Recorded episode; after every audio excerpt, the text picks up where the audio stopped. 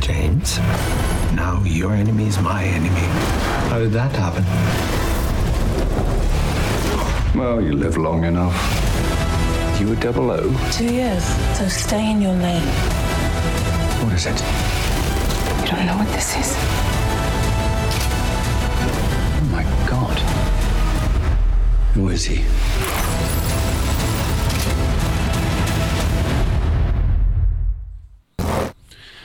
Ćao svima, dobro nam došli, dobro veče u Lab 76 broj 139 i dobrodošli u jesenje druženje, neočekivana, kome je potrebna uopšte ova pauza, ne znamo, pitamo se, ali činjenica je da je nastupila, nekako smo se toliko navikli na trke, trke, trke, trke i trke u Moto Grand Prix, pa i u Formuli 1, da odjednom, ove tri nedelje, kao da je neko napravio veliku pauzu i rekao, jednoga dana vratit će se Moto Grand Prix, ali ne brinite, to je Lab 76, naravno i nadam se da ste dobro, pre svega, nadam se da vodite računa jedni u drugima, da vozite računa jedni u drugima i da se mazite i naravno pazite. Dobro nam došli, ekipa je spremna, moji dragi kolege i prijatelji, gospodin Dejan Potkonjak je naravno tu, spremni smo, Katana je takođe spremna, tu je i naravno zastava samuraja broja 26. Obično smo u ovom periodu u Japanu, neki od nas i dalje studiraju u polu uspešno japanski jezik i književnost. U četvrtoj smo sam godini jel te studija na Beogradskom univerzitetu, makar još uvek zvanično, nemojte to da radite, molim vas diplomirajte čime god, šta god da učite i gde god da ste se upisali. U svakom slučaju, deki, hvala za prelep poklon. Katana nije sredstvo pregovora, već prosto poštovanja prema japanskoj kulturi i svemu što, da kažemo, ovaj mač predstavlja i hvala još jednom za, jel te, neki rođendan, desio se, nije bitno sad koji, da ne ulazim u te nevažne sitnice i detalje, ali činjenica da je neko lepo potpunilo celu priču, stigli su nam i neke stvari koje obeležavaju Danija Pedrosu, tamo je majica naravno Fabio Quartarara, tu su Repsol kačketi, tu je 26-ica na kacigi Darta Vadera za Danija Pedrosu i naravno tu je Katana. Kada već spominjemo majice, roze majice, mesec je naravno borbe protiv raka dojke i povećanja svesti o tome da rana detekcija ove opake bolesti možete kako da pomogne. Tako da, devojke, molim vas povedite računa jedne, ne, jedne ne, ne nužno samo jedno drugim, povedite računa o sebi pre svega. Momci, povedite računa o svojim dragama, pomozite im, podržite ih, ukoliko su neke vesti koje nisu dobre, postoji i dalje rešenje, kažem, rana detekcija može i kako da pomogne. Pre neki dan takođe je bio Tako da roze majice su tu, to je boja koju nosimo, to je roze majica čak i na, to je roze nalepnica na kafi, sve u znaku roze boje i cijeloga mesta ćemo biti u tim bojama, neki u polo majicama, neki u klasičnim majicama, negde u akcije nestala ta polo majica, ali point jeste da dignemo svest o tome. Kada spomenjem majice, ukoliko kupite ove majice na našem novom, jel te, sveže lansiranom web sajtu shop.infinitylighthouse.com, to ide u dobrotvorne svrhe, tako da ćemo se mi potruditi da makar malo pomognemo koliko mi možemo i naravno kao što uvek kažemo, nešto uvek možemo pozitivno da učinimo, konkretno da pošaljemo 917 na 30-30 ukoliko ste u Republici Srbiji, da pomognemo Branku Kovačeviću, momku koji ima progresivnu miopiju visokog stepena i eto, tu smo na pola, 48% od neophodnih sredstava i nekako, ne poznajemo momka, ali smo izabrali da pomognemo nekom o kome se možda manje priča, nisam vidio nužnu kampanju nigde, pa eto, mi nekako pokušavamo malo da pomerimo stvari za Branka, pošaljite Human 917 ukoliko ste na, u Švajcarskoj na 455, budihuman.rs u drugim državama, ne znam tačno koja bi bila organizacija, ovo je organizacija koja je nekako najzastupljenija, pa smo mi rekli, ok, ajde da vidimo šta tu možemo da učinimo, pa eto, to je neka sitnica i ne zaboravite pre tri dana dan, svetski dan mentalnog zdravlja, treba i o tome povesti računa, jednostavno pritisak je ogroman, stalno neki pritisak, pritisak, pritisak, pritisak, ovde smo da smanjimo taj pritisak, vozači su tu da prihvate pritisak i možda ova pauza i prija nekima, pričat ćemo deki ja sada o tome i o nekim drugim temama, šta su najnovije vesti, gde smo u šampionatu sveta, kada ćemo ponovo na stazu, da li ćemo bukvalno možda da odemo i na stazu i naravno o tome, pa, šta bismo mi volili da Moto Grand Prix učini kada su pauze od tri nedelje kako bi zabava bila još veća, ali u svakom slučaju Lab 76 je tu. Pitanja možete da postavite u četu ili da komunicirate jedni iz drugih. Obično dođe pitanje negde na kraju. Pozdrav svima koji nas podržavaju udrite like, udrite subscribe i naravno to pomaže, a pozdravi za sve naše pokrovitelje na Patreonu, patreon.com kroz Infinity Lighthouse. I da, sada za one koji prate dolazi onaj deo kada pročitam sva imena, do nove godine rekao čitaću sva imena, koliko god da bude ljudi, posle ko zna šta ćemo da uradimo, nisam siguran predivno videti da smo krenuli od nekolicine ljudi koji su nas podržali do zaista velikog broja, pomalo i neverovatno, iskreno govoreći, 19 tajnih pokrovitelja, to su ljudi koji su rekli ne mora ni da se zna ni kako se zovem ni prezivam, prosto imate moju podršku i hvala i momcima i devojkama koji to čine i onima koji su nam dozvolili da dobijemo imena, smatramo da je u redu da dobijemo vaše imena, to je minimum koji možemo da učinimo i ne zamerite što volimo da pročitamo prosto i krećem. Sava, Toni Ruščić, Mario Vidović, Ivan Toškov, Ivan večeras nije tu, moramo da vidimo gde nam je glavni pokrovitelj koji prati to iz studija, Stefan Dulić, Marko Bogavac, Ozren Prpić, Marko Mostarac, Nikola Grujičić, Aleksa Vučaj, Zoltan Mezej, Zoran Šalamun, poseban pozdrav Zoran Šalamunu koji nam je napravio kompletan web sajt u Magentu.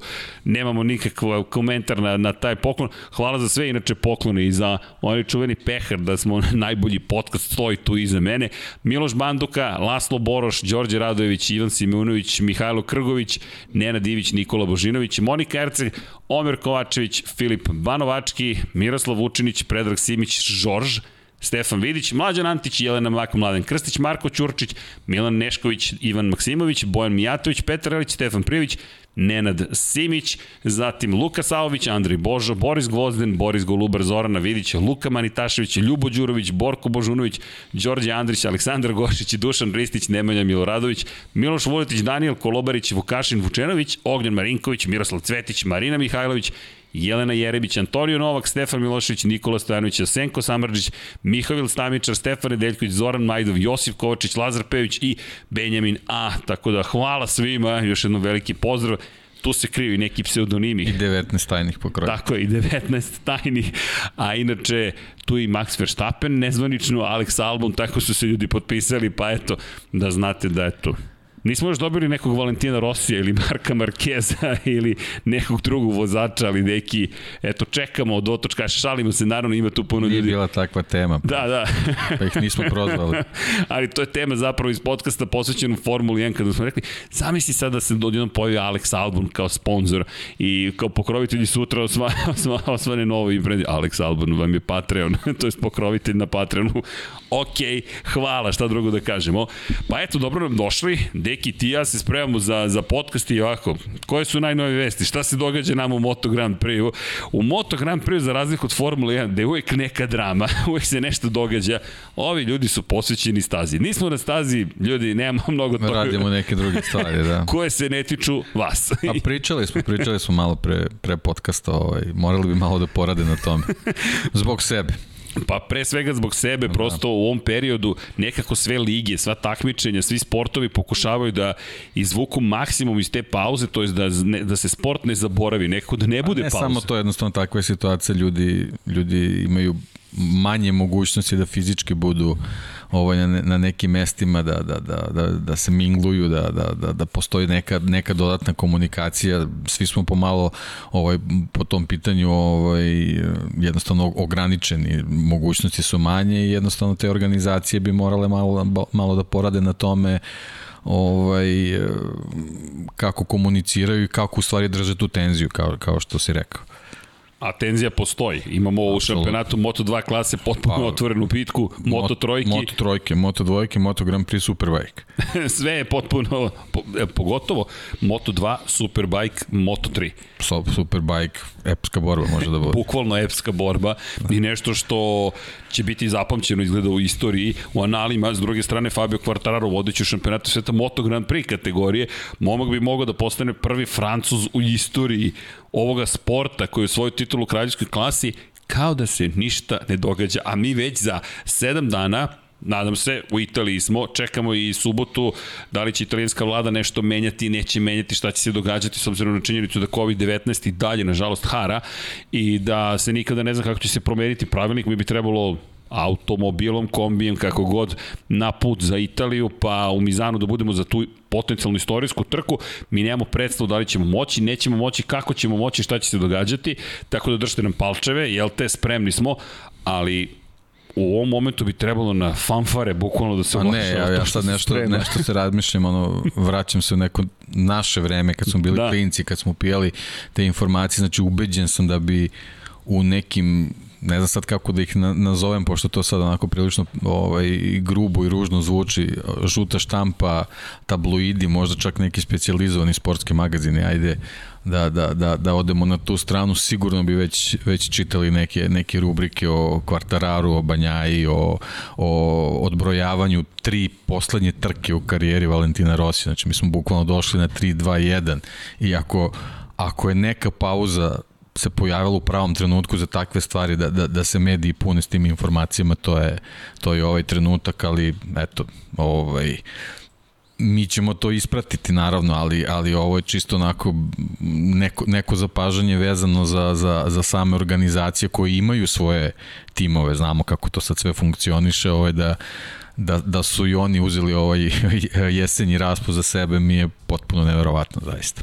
A bukvalno jesenji raspust i, i to je ono što smo napisali kome je uopšte potrebna ova pauza. Sada treba o tome da pričamo, o tome evo Zen and the Art of Motorcycle Racing, Matt Oaksley, knjiga posvećena Valentinu Rosiju. Inače, čekaj, spominjemo knjige. Stani, spominjemo knjige, nekako to nema postala svakodnevnica, ali drugari, crveno i crno, čekaj, manje mi je promenio kameru, uhotio me nespremnog, crveno i crno, Schumacher, gospodin Dejan Malo više točkova, da. Da, da, da, malo više točkova, ali opet, to su te legende kada pogledaš neke od tih fotografija Valentino Rossi i Schumacher u Ferrarijevoj garaži, neko drugo vreme, ne patimo za starim dobrim vremenima. Konstatujemo neku situaciju, neki trenutak koji se desio gde jedan devetostruki šampion sveta i jedan sedmostruki šampion sveta tri legende u garaži Ferrarija stoje i časkaju.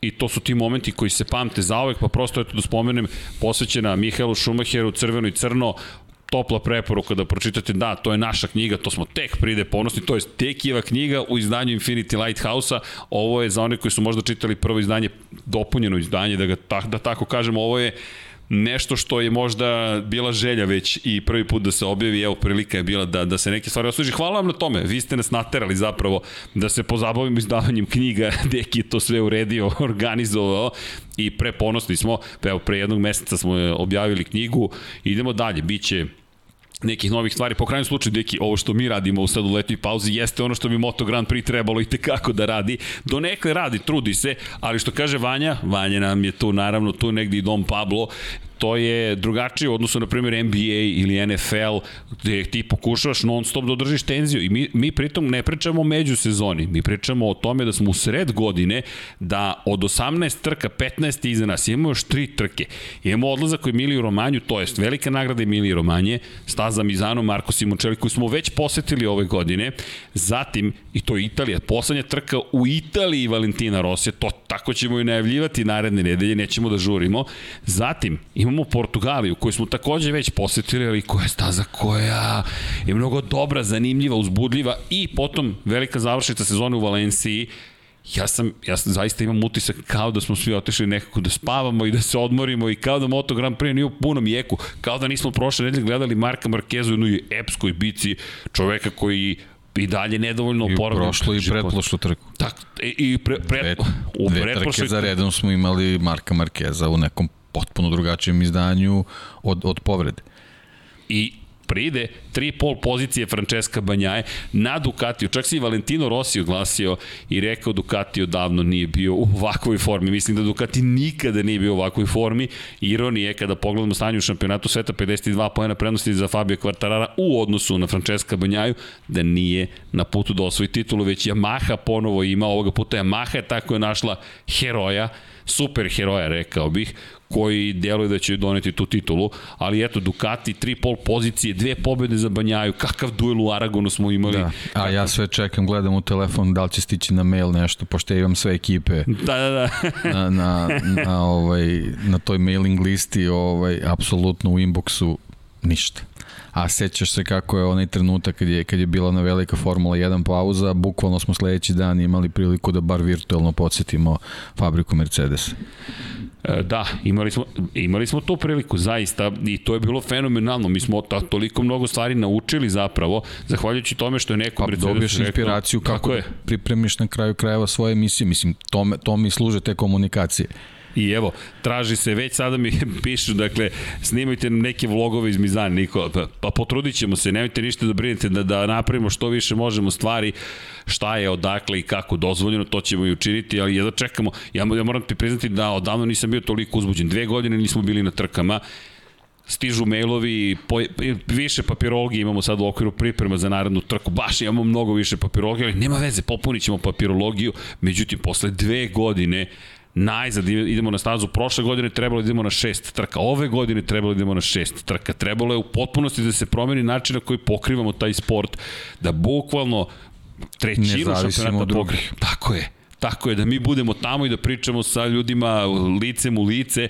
i sada najzad dobijamo ponovo tu priliku, moram ti priznati da sam baš uzbuđen kao prvi put kad se išlo na trke, a inače prvi put kad se išlo na trke, zna se ko se sreo od 2011. godine u Brnu, pa i to je neverovatno. Ako pogledaš još jedna stvar, i sad ovo nije kritika, više konstatujemo, mi ćemo se time baviti, dakle, kao nešto što nas čeka naredne nedelje, prosto teško je najavljivati trku, ne želim da upadnemo u, u, u tu zamku, uslovno rečeno, ali ljudi, Marko Simoncelli je pre 10 godina izgubio život ja nigde ne vidim da se spominje Marko Simoncelli, a ako imaš kultnu osobu, čoveka koji zaslužuje omaž, tribut, e, poštovanje, pozdrav, još idemo na njegovu stazu, već sada uveliko bi trebalo da se o tome priča.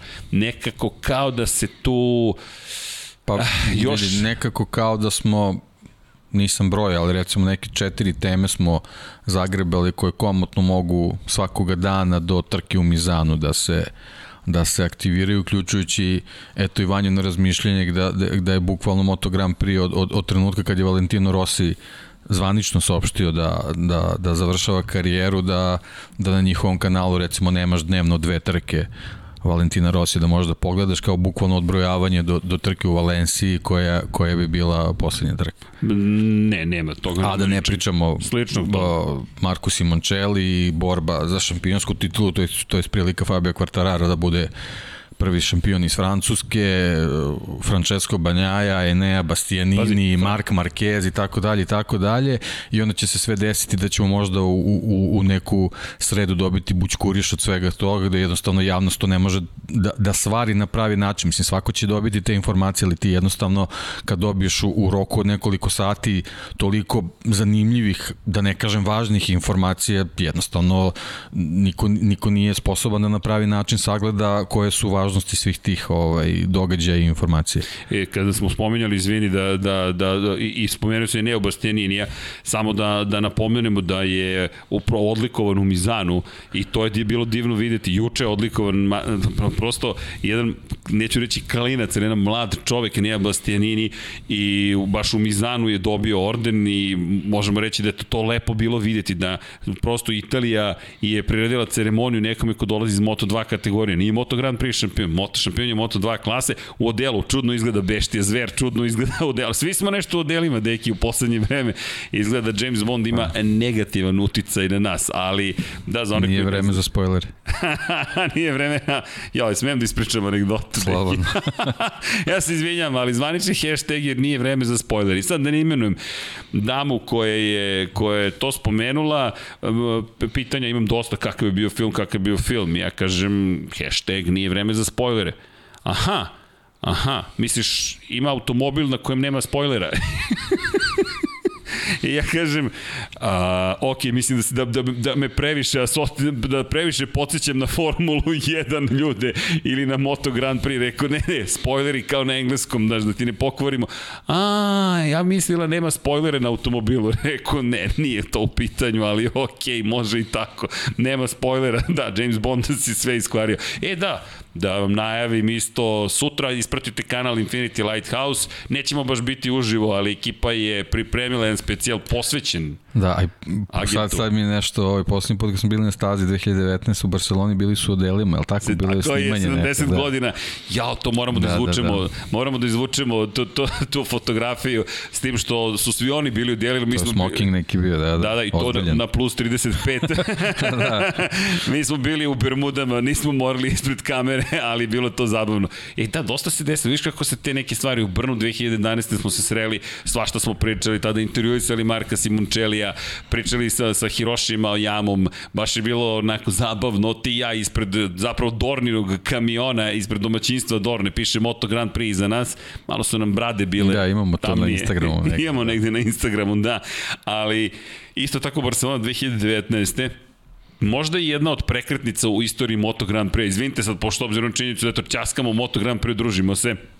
Ali znaš šta mi pada na pamet? Trka čuvena kada je Jorge Lorenzo pao i oborio sve manje više, osim Marka Markeza, kandidate i za pobedu i za titulu šampiona sveta. Dakle, Jorge Lorenzo pada, da Andrea Doviciozo je nažalost u tom incidentu, Maverick Vinales je nažalost u tom incidentu, Valentino Rossi je nažalost u tom incidentu, jedina osoba koja nastavlja dalje od tih kandidata za pobedu kao da mu je bilo potrebno još neka vrsta pomoći je Mark Marquez. I mislim da sada smem da otkrim, ali pošto dosta tih kritika je na račun Dorne i mi kritikujemo kada zasluži, hvalimo kada zasluži, seća se kada sam ušao u domaćinstvo Dorne posle trke i ovako svi, Ode sezona. Ode sezona, dve pobede prednosti i sad šta ćemo s Pa dobro, ali evo sad pokazuje da bi u principu sve jedno bilo da je, da je zanimljiva sezona. Da, ali... Oni kad se ovaj, Kad je završi, završi prskanje šampanjcem i konferencija štampa, očigledno se spakuju i to je to. Kao završen jedan radni dan. Da, dalje. ali kod gospodina Dena Potkonjaka tek je radni dan počeo, zove mene Deki, kaže, u toj Barceloni čuvene, ja to mnogo mi je lepo tamo gledati. Srki, ajmo mi da istražimo stazu u krivini broj 10, da mi vidimo šta se to tamo desilo, a ono preorana staza, dakle, bo, Pa da, baš je, baš je onako fascinantno bilo, u stvari vidi se ta silina. Brzina motocikla i- i kakva se sila prenese na, na asfalt jadan. Bukvalno na asfalt, da. koji je bio inače Svaki relativno nov. video, da. Sve se videlo i onda smo išli, pokušavali smo da snimimo nekako, tad su i malo fotoaparati još nisu toliko napredovali, nisu bili loši, ali mislim da bismo sada svojim teleskopskim objektivima na fotoaparatima još bolje prošli, a i mi smo malo unapredili opremu, tako da ko zna šta bismo snimili, ali da, to Da, je i bilo koliko zabavno. drugačije uživo izgleda na asfaltu nego kad je u prenosu, koliko, je, koliko su razdaljine ovaj, veće. Videli smo, išli smo posle na poziciju gde je ovaj, Franco Morbidelli pao. Da, Pa je fascinantno videti u stvari koliki je to koliko let je bio. leteo pra, pra zapravo, toga se sećam, znam da si ti otišao, da smo ti i ja merili bukvalno, da si odšetao da, do, do Jedno smo praktično se druge krivine. međusobno videli, da. Da, da, jedno smo se videli, bukvalno, i ovako stojimo i gledamo i koliko to kamera prevari. Pa da, ti uglovi posebno, Da, da, to da. smo pričali vezano za Formulu 1, kako ti neki, da nazovemo moderni uglovi kamera jednostavno usporavaju čitavu ovaj, sliku, da ljudi ne mogu da steknu pravi utisak u stvari kakve se tu brzine razvijaju i kakve se sve stvari dese ovaj, u tim nekim neželjenim situacijama. Evo, hvala Vanja, bravo Vanja. Jorge Lorenzo i Mark Marquez u tom momentu ljudi koji predstavljaju i Repsol Hondu i najsvežiji su šampioni Moto Grand Prix-a ko je uopšte mogao da pomisli da ovaj klinac tamo desno, to jest levo od Jorge Lorenza, desno na, ka, u kadru, Joan Mir će biti novi šampion sveta 2020. Da će Mark Marquez biti van staze, da ga zapravo neće biti na pisti uopšte, da će biti teško povređen, da će Danilo Petrući otići iz, iz Ducatija u KTM, da će Andrea Doviciozo otići na jednu godinu pauze, da će Valentino Rossi saopštiti da ide u penziju, da će Maverick Vinales pokušati da uništi Yamahu na sred startno ciljnog pravca u, u Austriji, dobiti otkaz i biti angažovan kao vozač Aprilije, koliko priča u jednoj fotografiji, da li je ono tamo u pozadini da, da li je moguće da je ono Andreja Janone tamo u pozadini? De, jel vidiš? Ne, sivo delo, pa s druge strane, u sivom modelu mislim da je Hafiz Šarin, ako me Da, vidi. trebalo je da je Janone ispred, Ispred- Rabata. Da, ispred Rabata je Da, da, da, moguće. Janone. Ali je sitno. da, Andrej Janone, nezgodno, koji je da. dobio inače kaznu, Svetska antidoping agencija je kaznila Andreja Janone na četiri godine zabrane učešće. Inače, Janone, da se nije žalio na kaznu, već bi vozio Apriliju. Ponovo i mi bismo možda imali ekipu Janone Vinjales, auto, ne, ne zamislim, bad boys, bukvalno da im pustiš bad boys, bad boys, I, to, i to ne zaovek, nego najbrži bad boys ikada. A kada spominjem Vadu, evo, to, to je informacija, dakle, zanimljiva, Vada je saopštila da, da je Indonezija zapravo zajedno sa Tajlandom dobila potvrdu da može da ostane domaćin trka u Moto Grand Prix u svetskom Superbike šampionatu sveta, to je u šampionatu sveta u Superbajku, e, s obzirom na činjenicu da zapravo iako iako nacionalne organizacije antidoping ovih država nisu zapravo u skladu sa kodeksom ponašanja vade dobili su dozvolu zahvaljujući tome što je već dodeljena organizacija tih trka i vada je rekla ok, to je već dodeljeno i neće menjati svoju odluku. Inače, Vadinu, Vadin kodeks ne morate nužno da poštujete, ali ukoliko želite bilo kakvu vrstu ozbiljne organizacije sporta, trebalo bi. Tako da Međunarodna motociklička federacija prihvata vadine preporuke, isto je bilo sa Janoneom, ko u vadinom kodeksu piše najmanja kazna za nekoga ko se dokaže da se dopingovao su i 4 godine suspenzije. Andrija Janone dobio 18 meseci suspenzije, žalio se, Došao je bukvalno sa računima iz McDonald'sa kao dokazima da se nije dopingovao. Odbrana je bila na nivou na nivou loše serije, zaista loše serije i potvrđena mu je kazna od 4 godine, zato Janone više ni ne vozi, bavi se potpuno nekim drugim poslovima, ali eto Vada, da, eto spomenu hvadu zbog Janone, ali dođe smo mi na Indoneziju i Tajland. Ima nekih vesti, nije da se ništa ne događa, ali nisu to baš vesti koje bi trebalo da nam popunjavaju da. stupce. Elem, e, da, se, da pokušamo da se vratimo na, na svetsko prvenstvo, Fabio Quartararo, ja ne znam kako, sam misliš, sam misliš kako se osjeća, da li je potpuno opušten i razmišlja, još o, sledeće nedelje u ovo vreme biću na korak od titule šampiona pa, ne verujem da je potpuno opušten, ali ovaj, nadam se da, da postoji neki program koji koji ga ovaj usmerava ka tome da bude pozitivno i maksimalno skoncentrisan na, na ono šta ga čeka, bez obzira što iz ove perspektive to deluje sad daleko, jer ovo je neka ne, nama ovaj, neobičajna pauza za, za, za ovu i, i prošlu sezonu, ali ovaj, verujem, verujem da, da, da, da postoji, postoji neka, neka, neka tenzija, ali mislim da, da ovaj, taj visoki nivo profesionalizma koji je i on pokazao i način uh, na koji je spreman da uči i, i, i da upija ovaj tuđe iskustva informacije verujem da da su ga ovaj sad doveli na neki nivo da se ovaj u nekoj dozi, dozi, dozi mirnoće priprema za ono šta ga čeka, ako, ako se to može nazvati mirnoće. Pazi, deki, on, on ulazi u grupu kako sada stvari stoje, jednu neverovatnu grupu vozača. Da, Joan Mir je ušao prošle godine, Joan Mir, pričao sam sa navijačem Aleksa Rinsa, koji voli Suzuki, ali koji ne može da prihvati koliko je nekako nevidljiv opet bio Joan Mir i opet se nekako smo se vratili na temu broja 1 i Joan Mira, ali ne bih da skrenem sa Fabio Quartarara, čisto perspektive radi, o tome smo kratko pričali, ali u dosadašnjoj istoriji Moto Grand Prix-a iz Italije smo imali šest vozača koji su osvojili titulu u najjačoj kategoriji. Iz Velike Britanije smo imali šest vozača. Iz Sjedinjenih američkih država smo imali sedam vozača koji su osvojili titulu. Inače, Italijani ukupno 20 titula. Britanci 17 i dalje se drže zahvaljujući onim prvim danima moto, motociklizma. Inače, da, da nastavim, da, pa ću da, da, da ne, da ne da digresije na pola ove priče. Španci 4 šampiona, 11 titula, Australija 3 šampiona, 8 titula i Rodezija i Njasaland, to je država koja je postojala pre Rodezije, koja je postala Zimbabve. Čisto da se zna, da ne zaboravimo, imali smo i tu situaciju, dakle, jedan šampion i jedna titula. Inače, kada pričamo o Rodezi Njasalandu, Gary Hawking davno na MV Augusti 1961. osvojio titulu, ali to su jedine nacije koje su imale predsednike koji je došao do titula šampiona sveta u najjačoj kategoriji. Italija, Velika Britanija, Amerika, to je Sjedinjene američke države, Španija, Australija i Rodezija i Njasaland. I to je to. I Fabio Quartararo će cijelu jednu naciju, kako sada stvari stoje, uvesti među elitu Moto Grand Prix-a. Meni je to fascinantno. Tom naciju koja ima ozbiljnu istoriju što se tiče automobilizma, stvari automobilizma i motociklizma nije, nije mala stvar. Nije mala stvar i ti kada pogledaš svetski... I kad zaspiš onako vratno noću, kad se probudiš, kažeš, wow, čekaj. šta mene čeka. Da, da šta da, njega da. čeka. Prvi... Mislim da, da, da na taj način, ovaj, ako se sagledavaju stvari, mislim da nije verovatno ni svestan u ovom trenutku i da su to neke stvari koje dolaze godinama. Kao, kao da ni mi nismo svesni. Ako pogledamo kako su išle titule, prve titule, prva, poslednja nacija koja je dobila novog svetskog šampiona bila je Španija 1999. godine. Alex Krivije, tada postao prvi španac koji je svoju titulu u ovoj kategoriji.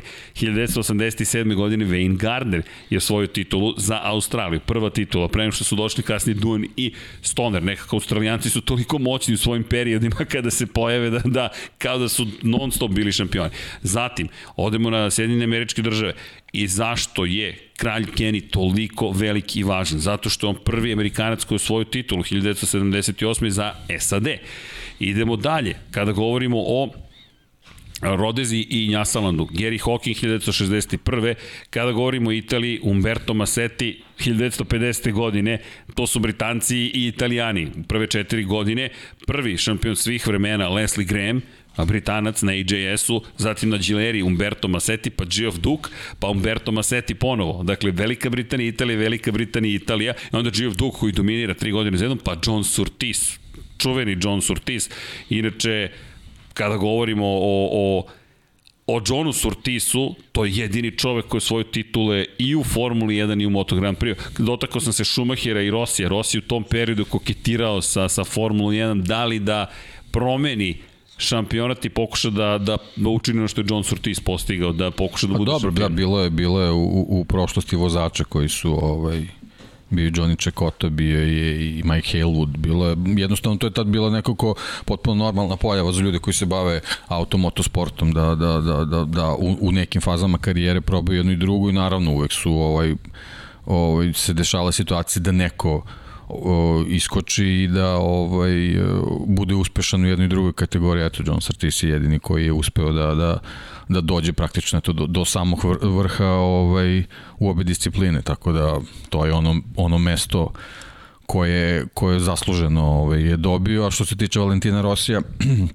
tu je možda još na jedan, jedan način pokazao koliko u stvari gaji tu ljubav prema, prema trkanju i takmičenju i da, da sve ove godine opstanka u, u tom, tom vrhunskom motociklizmu nije, nije, nije samo stvar od nekog novca ili ili eto tih nekih marketinških aktivnosti ili ne znam kakve su se to sve priče spomenjale, nego on jednostavno to zaista, zaista voli i ovaj, značajni su mu i brojevi i, i, i ta značenja i relacije i tako dalje i tako dalje. Tako da verujem da je posebno iz ove perspektive kad gledamo verujem da, da je u jednom trenutku zaista razmišljao da pokuša da, da, da, na, da se na vrhunskom nivou pojavi u Formuli 1 Da, inače, kada, kada pričamo već o tome, 10.000 ljudi više će moći da prisustuje Rosijevoj posjetu. To je stvari najvažnije. To je najvažnije pauzi. Da. Tako je. Za one koji žele da putuju u Italiju, postoji još uvek šansa da se nabave ulaznice. Pre dva dana je pušten novi kontingent ulaznica, još 10.000 gledalica za poslednju trku. Do, ograničenje je bilo 25.000 ljudi na stazi u Mizanu prošloga puta, sada 35.000 ljudi će biti prisutno, potencijalno. Preko 64.000 je gledalo tokom pr prethodne trke, tokom tri dana trku u Moto Grand Prix, bile, bile su rasprodate tribine za nedelju, Što je negdje logično, prosto koliko god da su kvalifikacije uzbudljive, dan trke, zna se, nedelja je, to je ono pravo i Eto, Rossi će imati priliku da se oprosti od svoje publike. Nećemo da ulazimo sad u, u vremenske prilike, gume, hladnoća to ostavljamo za narednu nedelju, ali prosto da iskoristimo ovu pauzu neko da se ispričamo i u nekim drugim stvarima. I inače da, da, da napomenem da eto, kada je reč o, o, o Valentinu Rosiju Mizanu mu priprema pozdrav, oproštaj mu priprema, što je logično. Moram priznati da, da svi očekujemo ve, veoma emotivnu subotu, to će bukvalno biti dan desetogodišnjica od pogibi, stravične pogibije Marka Simončelija, biće Paolo Simončeli, njegov otac prisutan kao šef ekipe Sić 58 kao njegov otac, to, to je zao, to je trajno stanje tata, ne samo njemu, već svima koji su praktično u Moto Grand Prix, u Moto 3 kategoriji pogotovo, veliki tata, jednostavno kada ga vidite, svi ga, svi ga posmatraju kao, kao tatu. I, I šta god da kaže Paolo, to je nekako očinski savet. U svakom slučaju, bit će dosta emotivno, ne znam ni kako će kaciga biti, da li će motor biti u nekim drugim bojama, šta su priredili, ali verujem da će oči kako biti uprte ka Valentinu Rosu, njegov poslednja trka biće velika nagrada Valencije u Valenciji 14. novembra. To je taj veliki oproštaj i rekao je Rossi da kada pričamo o onome što ga čeka, da će biti vrlo interesantno. Inače, Kestorija je naziv trke u Mizanu, kakva priča. I zaista jeste, uh, ono što smo mogli da vidimo jeste takođe i na posteru koje je Aldo Drudi pripremio da se pripremaju za oprošti italijanski navijači. I to će biti lepo videti. Ne bi me iznenadilo da naredne godine se pojavi u Muđelu nove ili onaj način možda da odveze počasni krug, nisam siguran da će hteti da se trka, rekao je neće se vraćati.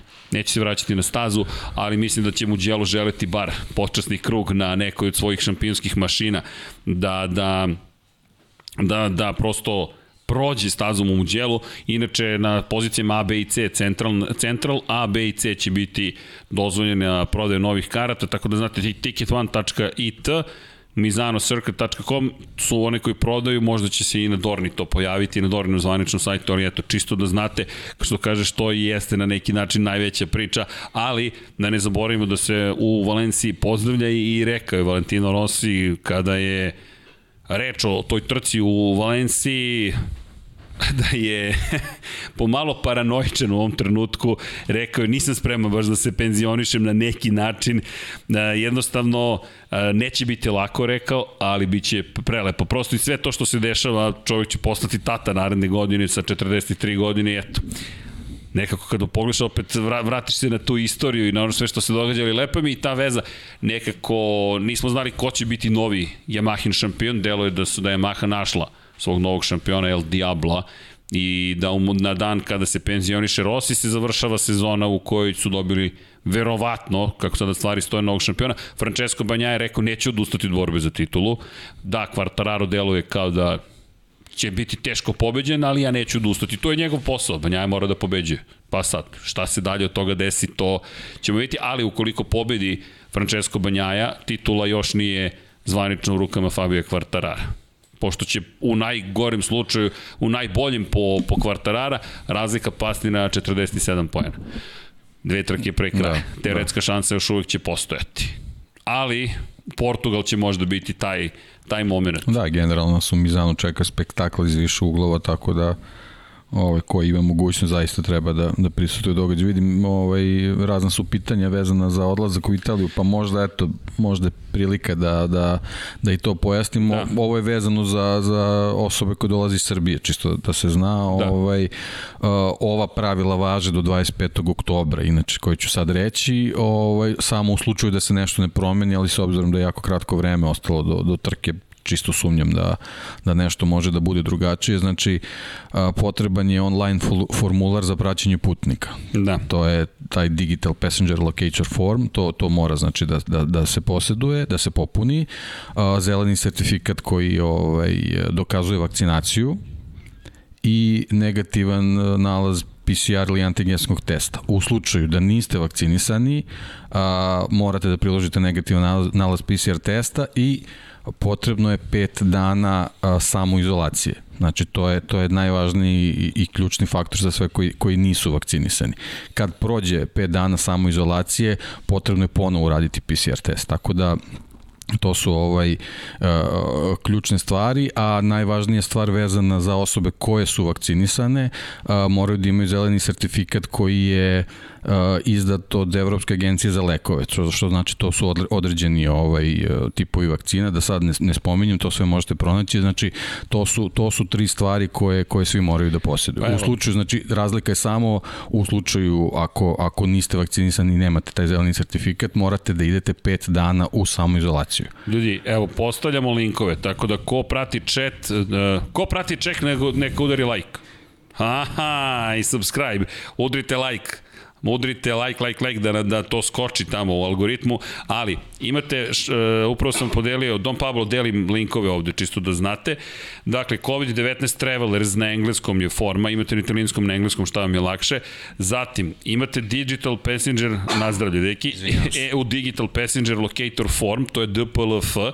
Dakle, imate protokole, upravo tu morate, možete, morate pročitati kompletan protokol da ne prolazimo kroz sve što tu imate. Evo ga drugi link. Zatim, idemo na treći link, a to vam je a ukoliko želite da, samo da vidim da li mogu da nađem negde na italijanskom, podelit ću na, na, na engleskom, oprostite, na italijanskom, ovo su vam informacije za digitalni COVID sertifikat zeleni, Evo ga, tako da smo poslali i imate, ukoliko idete putujete, mi ćemo verovatno imati taj izuzetak, pošto dobijamo od Dorne posebnu pozivnicu, da idemo zbog posla, što je istina. U tom slučaju Evo nije, nije ovaj, neophodna nije neophodna samoizolacija. Tako je.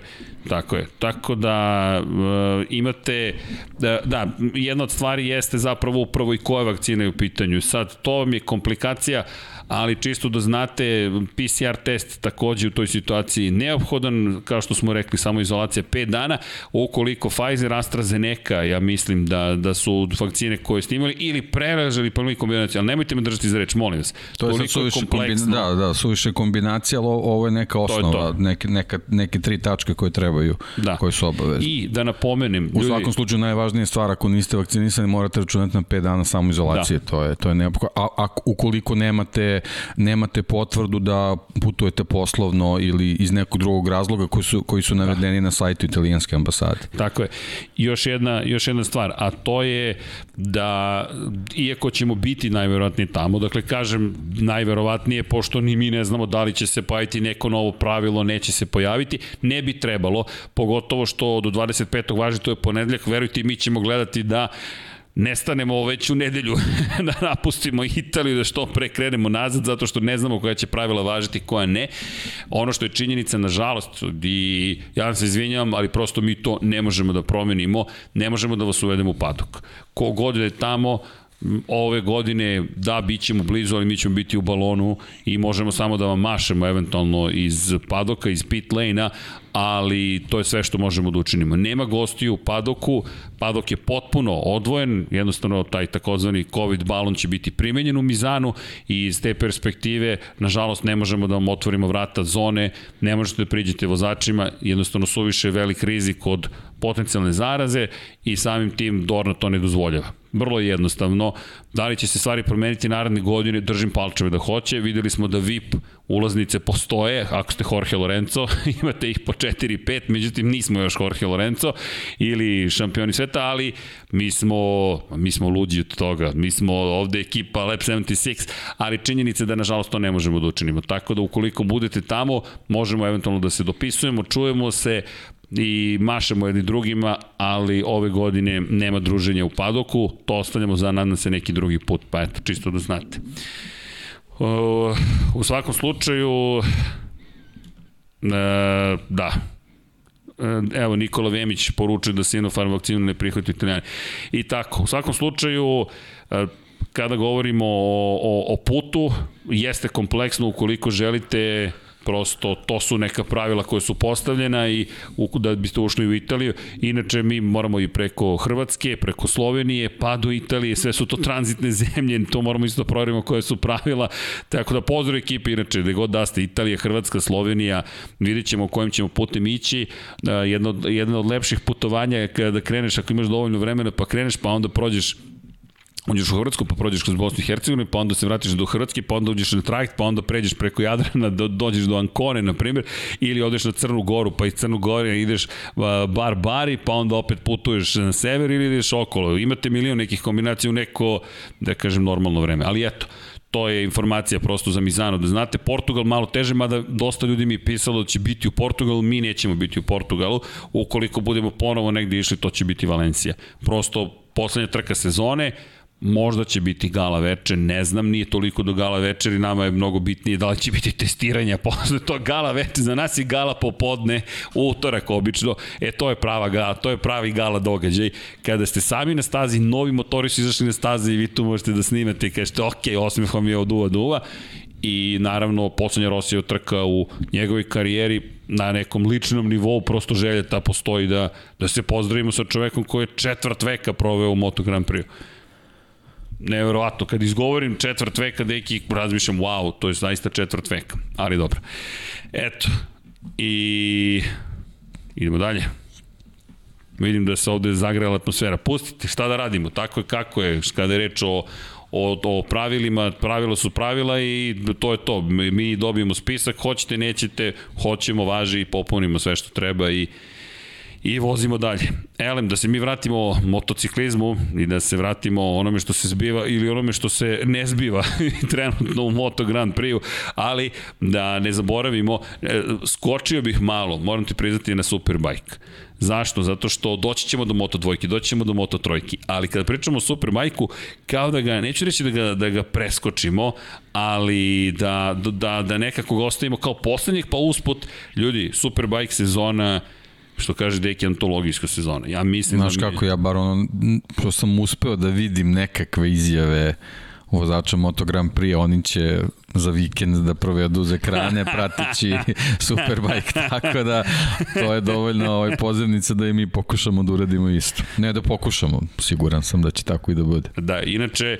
Kada... Inače Argentina je na redu, tako da, da možda su i termini ovaj, dobri, neki prime time-ovi. A, inače, u Argentini čudne neke informacije kada je reč o Superbajku i način na koji su zapravo tretirani neki od timova, baš je bila čudna cela situacija, Dorne takođe moralo da reaguje, e, troškove koje su zahtevali da pokriju timovi, pogotovo manji timovi, su eksponencijalno porasli, ozbiljna drama, baš je, baš je onako, što kažu, noćna mora bila, jednostavno podignuti. Kao da putuju za Montevideo. Da, bukvalno, neverovatno. Pre 90 godina. bukvalno, poništili su ljudima letove, nisu ih obavestili o poništenim letovima, podigli su im cene putovanja, cene logistike, bukvalno... Vratili im loptu iz auta u teren. Bukvalno, i ti gledaš prosto šampionat koji, a mi pričamo, jedva čekamo da odemo u Argentinu, jedva čekamo da odemo u Argentinu. I Dorna koja izvede da Superbike ode u Argentinu i dođete odjednom, e, to je koštalo 5. Ne, sada košta 25. Bukvalno su, to, to su neverovatni neki, da kažem, množioci i prema, prema informacijama naših kolega, ovo je zvanično najskuplja trka ikad organizovana. Ikad. Dakle, toliko su troškovi skočili, ali već bilo kasno za povlačenje i izlazak iz te cele priče, da smo došli u situaciju da možemo samo da kažemo, ok, nadamo se da će ovo biti održano. Inače, ovo nije staza koju posećujemo u, u okviru Moto Grand Prix-a, ovo je San Juan Vilikum staza, da, čisto da, da i to napomenemo, to je San Juan provincija je deo takođe administrativni deo Argentine i Albardon je zapravo u pitanju i mesto koje eto, mi ne posećujemo kao Moto Grand Prix ekipa, ali te kako ćemo pratiti što se zbiva jedna specifična staza, rekao Da, bih. meni jako zanimljivo, bar iz onog profila kojeg sam vidio, onako neka, neka kombinacija delova Valencije možda i, i, i ovaj, čak bih rekao možda Jasena, ovaj, onako, jako, jako zanimljive segmente ima, ovaj e, čitao sam neke neke ovaj pre svega utiske o stazi vozača koji se koji se bore za za za šampionsku titulu Topraka Oglo i Johnny Areje ovaj iz njihovih priča deluje mi da Johnny ova staza malo, malo više odgovara. Ovaj nekako je o, kako bih rekao ne, nekako je bliže vozačima koji su o, tehnički prefinjeniji. Pritom Johnny naravno znamo koliko iskustvo ima iza sebe i čini mi se da, da je jednom ovaj spomenuo da na ovoj stazi od pet svojih nastupa četiri puta pobedio. Tako da ako, ako postoji neko mesto gde može da računa da može da, da, da, da se približi ovaj, glavnom rivalu za titulu, on je sad u stvari prvi put u situaciji da, da juri ovaj šampionsku titulu od kako je u, Ovako, u ovoj seriji i generalno on je 2019. samo ovaj, sa Alvarom Bautistom u stvari Jest. vodio borba, njega je u jako ranoj fazi šampionata ovaj, stigao i prestigao Jest. i posle ubedljivo osvojio Jest. šampionat, ali bukvalno u svakoj kampanji gde je osvajao titule nije, nije bio u ovakvoj situaciji u finišu sezone i ako, ako ovaj, postoji mesto gde bi mogao ova 24 boda možda da, da dostigne i da, i da prestigne ovaj, da, pa da da sve ostavi završnicu za, za poslednju trku sezone, onda, onda bi to deluje da bi to trebalo da bude ova, ova staza, tako da sa, sam, sama ta činjenica već najavljuje dobru borbu, a sa druge strane imamo Topraka koji koji je pokazao nebrojeno puta ove sezone koliko je a, dobar i, i, i agresivan vozač i koliko tu, tu svoju agresivnost a, pretvara u brzinu, koliko je dobar na kočenju. Ova staza ima dve, dve tačke gde, gde, ovaj, gde se izuzetno snažno koče, tako da očigledno da i on ima svoje adute na ovoj stazi. Ovaj, a eto, sad, sad je njemu prilika da, da se upozna i bolje, bolje s njom, a posebno što se nalazi u jednoj malo drugačoj ulozi može da bude uh, može da bude nezgodno za njega. Tako da mislim da da je sve to vezano za njih dvojicu, ovo je odlična najava, ovaj kakva, kakve tri trke, kakve tri trke nas očekuju. To ne, ne, ne smemo ovaj da zaboravimo. ne smemo da zaboravimo tu činjenicu, to je jako važno zato što je to ovaj jako jako veliki opseg poena je u igri i dalje, tako da 24 boda razlike u Superbajku sa ovim ovim sistemom takmičenja apsolutno ne znači ništa. E, obavezno gledajte. Obavezno, bukvalno obavezno. Ljudi, to su poslednje dve runde. ja navijam da, da, da se sve ostavi za, za, ovaj, Za Mandaliku. za Mandaliku, ali deluje mi da će tako i da bude. Da tvare- Nadam se da će tako i da bude, jer, jer samo ne bih volao da, da se neka od ove tri trke završi sa padom jednog ili drugog. To, to, to, to bi onda malo pokvarilo čitavu priču, ovaj, pošto Pazi, ta, tako je bilo u Portugalu. U Portugal, to se htio ti kažem. su- do, da, da, da. Rea dva put, Da. jedan jednom. I, Da, da. I obojica po jednu pobedu. Tako I je. ono što je razlika je šesta pozicija zapravo Tako u drugoj trci. Mislim, generalno su obojica jako malo bodova osvojili u Portugalu u odnosu na, na neke E, trke. Ja, ja deki, izvini, nisam ne pamtim da je Johnny Rea bio u ovakvoj Pa situaciji. Johnny Rea u, As, u. Johnny Rea u Asenu 62 boda osvojio. Tako da 24 boda razlike na stazi koja, koja njemu odgovara, apsolutno ne znači ništa. A, ajmo ovako, Johnny Rea, 2015. Kada je stigao u redove Kawasaki, kada je napustio Hondu, titula. 2016. titula, 2017. titula, 2018. titula, 2019. titula, 2020. godine titula. U svim tim sezonama uvek je počinjao sjajno. Dakle, to su obično pobjede. Australija tradicionalno otvarala sezonu, ove godine nije, ove godine je bila Španija, ali Johnny Rea je uglavnom pobeđivao. Izuzetak je 2018. u tim šampionskim sezonama, kada je bio peti i drugi u Australiji, ali onda dolazi Tajland, Aragon, Holandija, Italija, već stvari dolaze na svoje. Inače, od Sjedinjih američkih država do Katara nije zabeležio ni jedan poraz. Ne, da budem precizan, nije zabeležio ni jedan poraz. Samo su pobede beležene.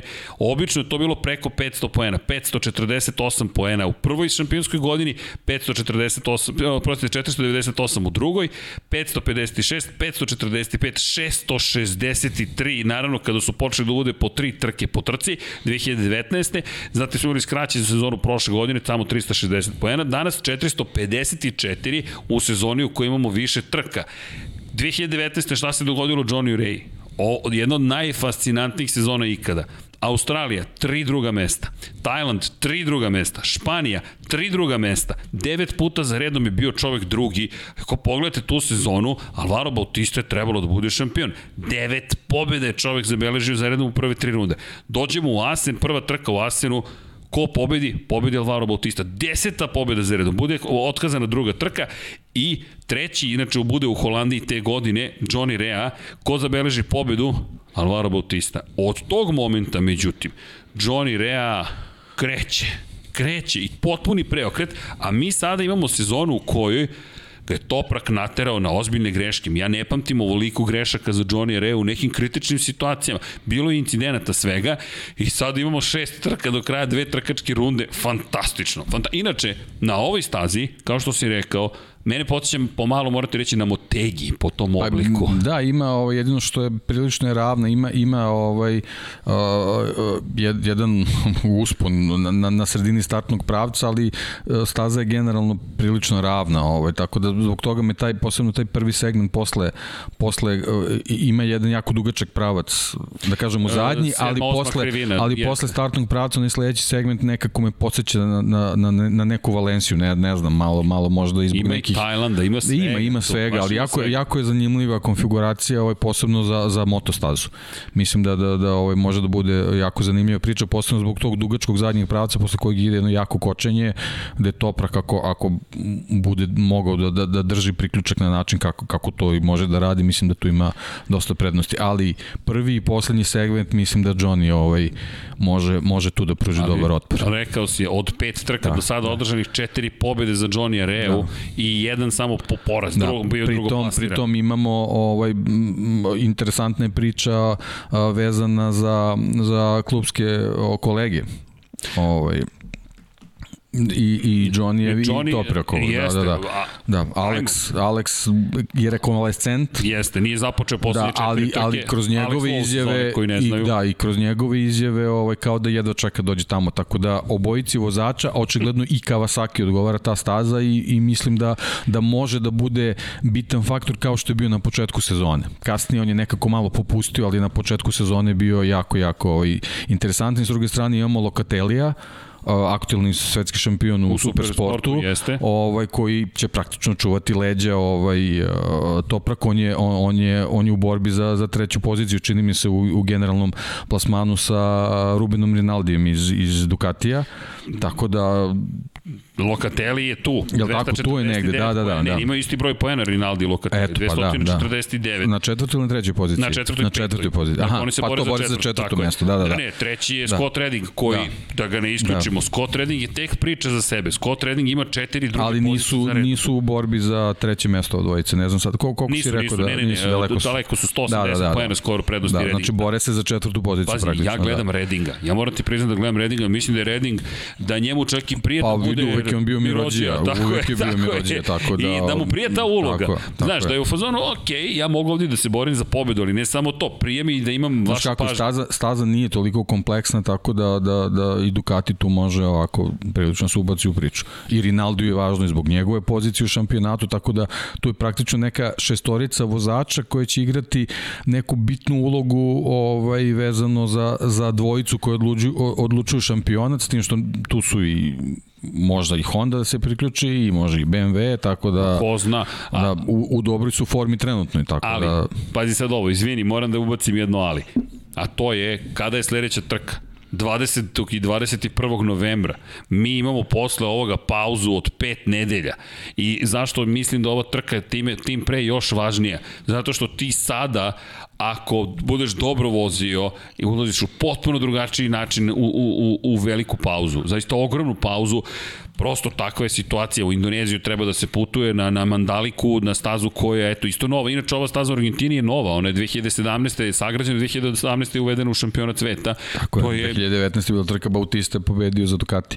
E, da, Tako prva- da zato, prva- zato prva i njega ne jeste. smemo da, da, da zaboravimo u tom smislu ovaj, e, ljudi koji mogu da, da, da budu konkurenti bez obzira što je na Hondi. Ako, ako mu ta staza odgovara, zašto da ne?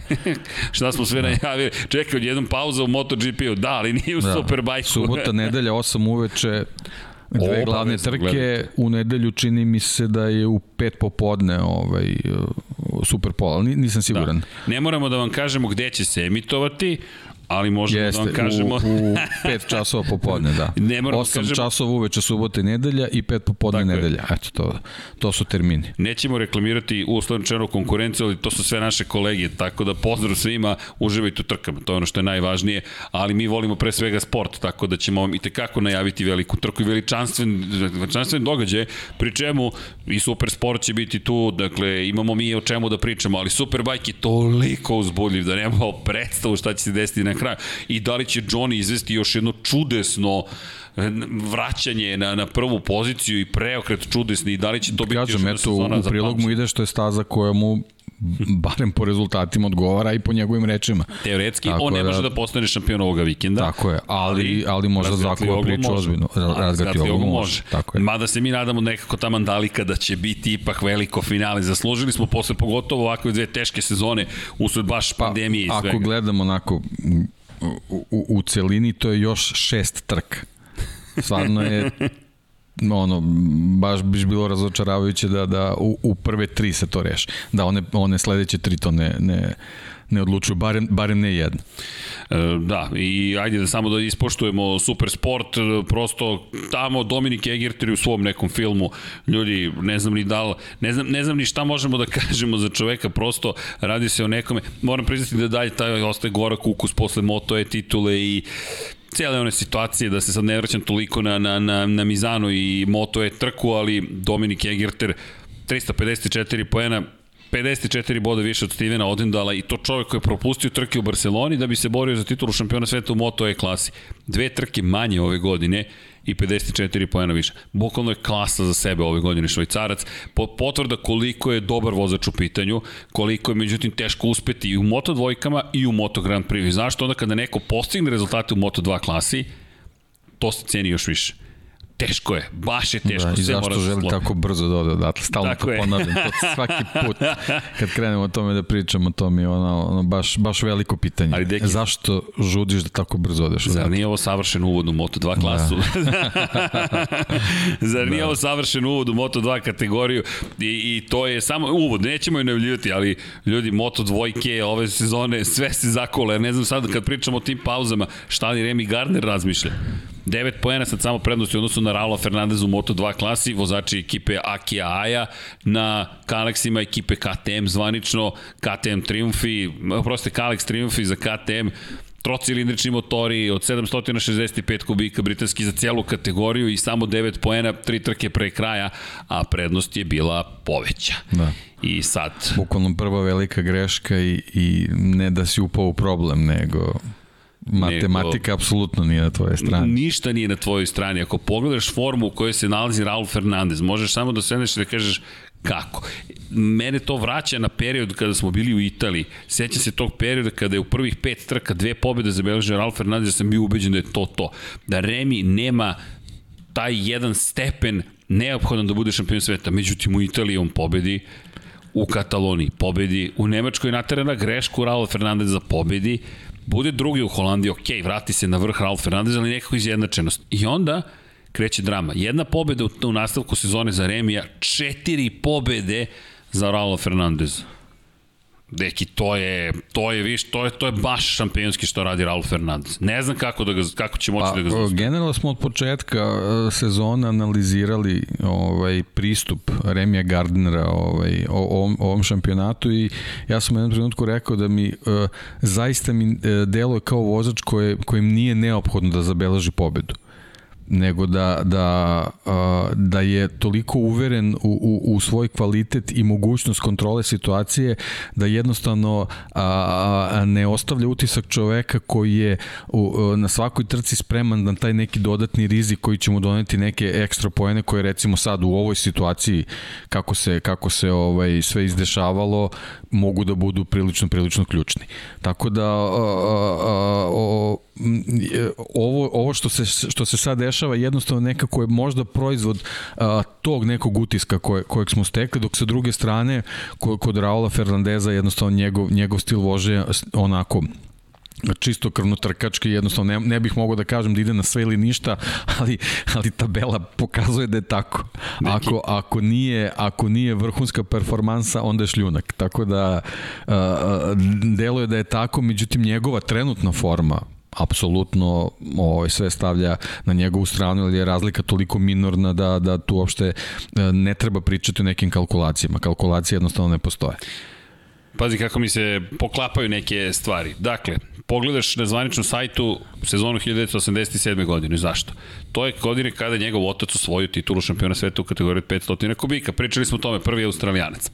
I želja je bila da izanaliziramo kako je to išlo po sezonama. Nema, nema tih informacija, moraš da ideš trku po trku. Ali, šta mi imamo, Moto Grand Prix Results, Don Pablo, ste ponosni na mene, kako sam okrenuo u reklamu, neki me gleda ispod oka, ali šalu na stranu, zaista ovde imate rezultate, e, mi smo uvezli koliko, 15 knjiga smo uvezli, jednu smo poklonili Narodnoj biblioteci Srbije, nisam 30, sam mislio da smo 15, prodali smo 4, ljudi, to je fenomenalno, hvala za podršku, ali ovde imate celu enciklopediju svih rezultata i možete ih kupiti kod nas, zato što volimo knjige.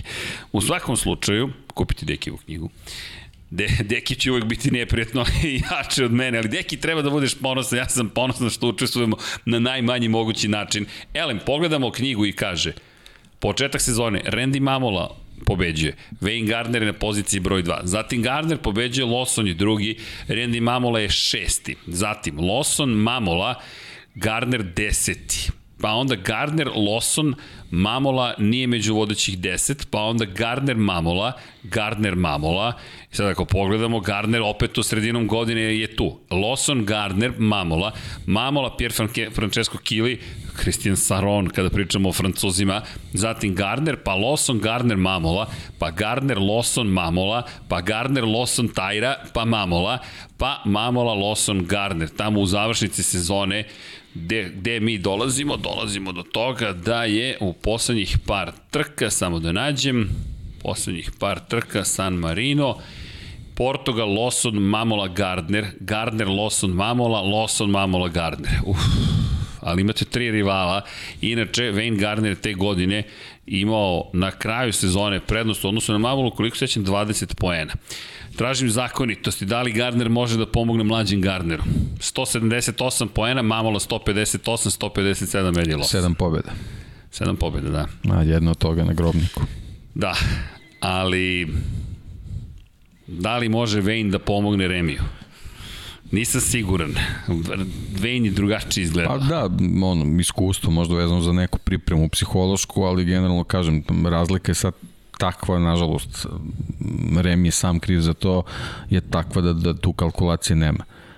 Jednostavno, on mora, mora da bude ispred, ispred Raula. Pre svega da bi njega, njega psihički i psihološki poremetio za, za, za sam finiš sezone pobjeda još jedna Raula sa drugim mestom Remijevim. To je to. To je to. To je, to je manje to je, više to, to. to. Da, i dalje će voditi da. u šampionatu sveta. I generalno je u principu taj problem počeo sa onim pokušajem manevra u poslednjem krugu u Mizanu. Mi ponovo Rizik. dolazimo, ponovo dolazimo na tu stazu, nećemo da pričamo o vremenskim uslovima kako će biti, šta će biti, ali generalno Remi, Remi mora, ovaj, mora, mora da bude ispred Raula na ovoj trci. I ja ne vidim da, da, da, da će to, ajde, da, da se suzdržimo od najava, ali zaista mislim da je Gardner u ozbiljnom problemu. U ozbiljnom problemu i ukoliko sada pobedi Raula Fernandeza, to će biti ubedljivo njegov najveći triumf u karijeri.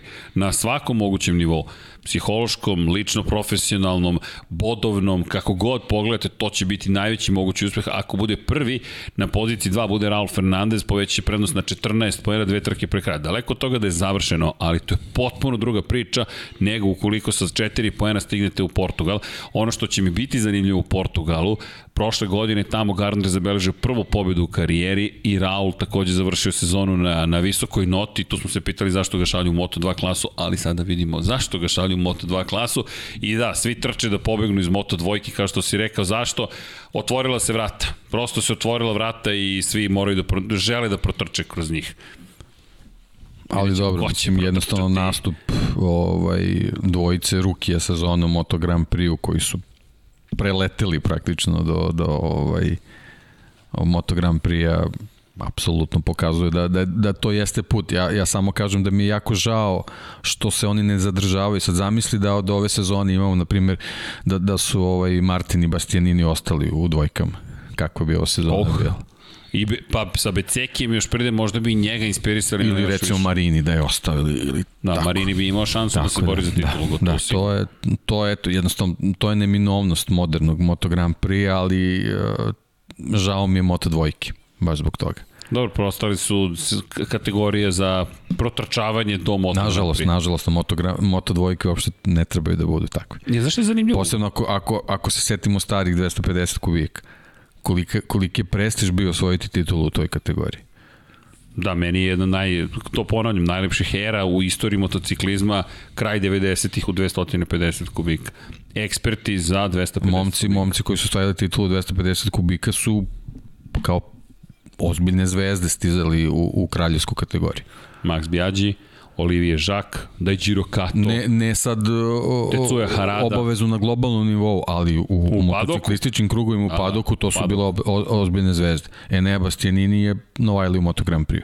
A, bukvalno je Novajli. Znači, mora, moraš da izgradiš ime u dvojkama, to jest mora, mora dvojka da se napravi da bude takva kategorija. To je možda jedan od ornenih zadataka u, u, u nekom predstojećem periodu kad, kad, kad se tiče nižih kategorija, posebno dvojke. A da li ti je Zarko, na primjer, stvorio tu reputaciju? On je jedini dvoj šestruki šampion Moto2 klasa. Pa dobro, ali u tom trenutku je to već nekako krenula ta, ta, ta, ovaj, taj neki zamajac. Ne, ne mogu sad, sad u ovom trenutku setim njegov, njegov dolazak u, u Moto Grand Prix, ali mislim da nije, nije onako Nisu Pa baš je- skidali šešir ispred Ne, on je jedva došao, Suzuki čak nije hteo da ga angažuje. David tako je. Brivio je rekao da, iako je Suzuki tražio ugovor sa Zarkom, Brivio je urgirao i rekao ne, dovodimo Aleksa Rinsa, nećemo Zarka. S druge strane, Zarko je našao svoj put preko francuske veze, bukvalno u Teh 3 Yamahu, došao u Teh 3 Yamahu, oduševio u prvoj trci u sezoni, čak i vodio u drugom krugu prema što znate sa staze i tu uvek je bio tu negde, tu negde, ali u to vreme satelitski vozači nisu imali ovako moćne motocikle. To je bilo na godinu starom motoru, čuda je pravio. Problem je nastao u tome kada je dobio fabričke modele, tu nekako nije napravio naredni, naredni korak. Inače, kada spominju Davida Brivija, pojavila se nova informacija na nivou, neću reći trača, glasine svakako, da bi Davide Brivio mogao da se vrati u Moto Grand Prix. Tako da ne volim baš da, da to tako prenosim olako, ali verujte kada pročitate informaciju i sad gledam jedan izvor, drugi izvor, priča se Pa navodno gde da ima dima, obično da, da bude, ali dobro. bude Dobro. vatre.